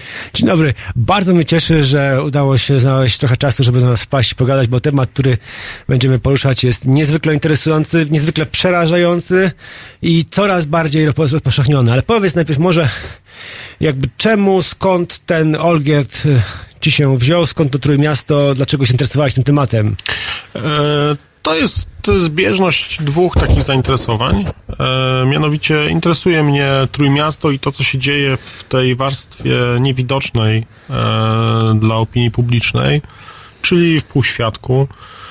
Dokumentujemy w superwizjerze, ja wcześniej to robiłem pracując w Rzeczpospolitej, e, jakieś tam gangsterskie kwestie, powiedzmy trójmiejskie,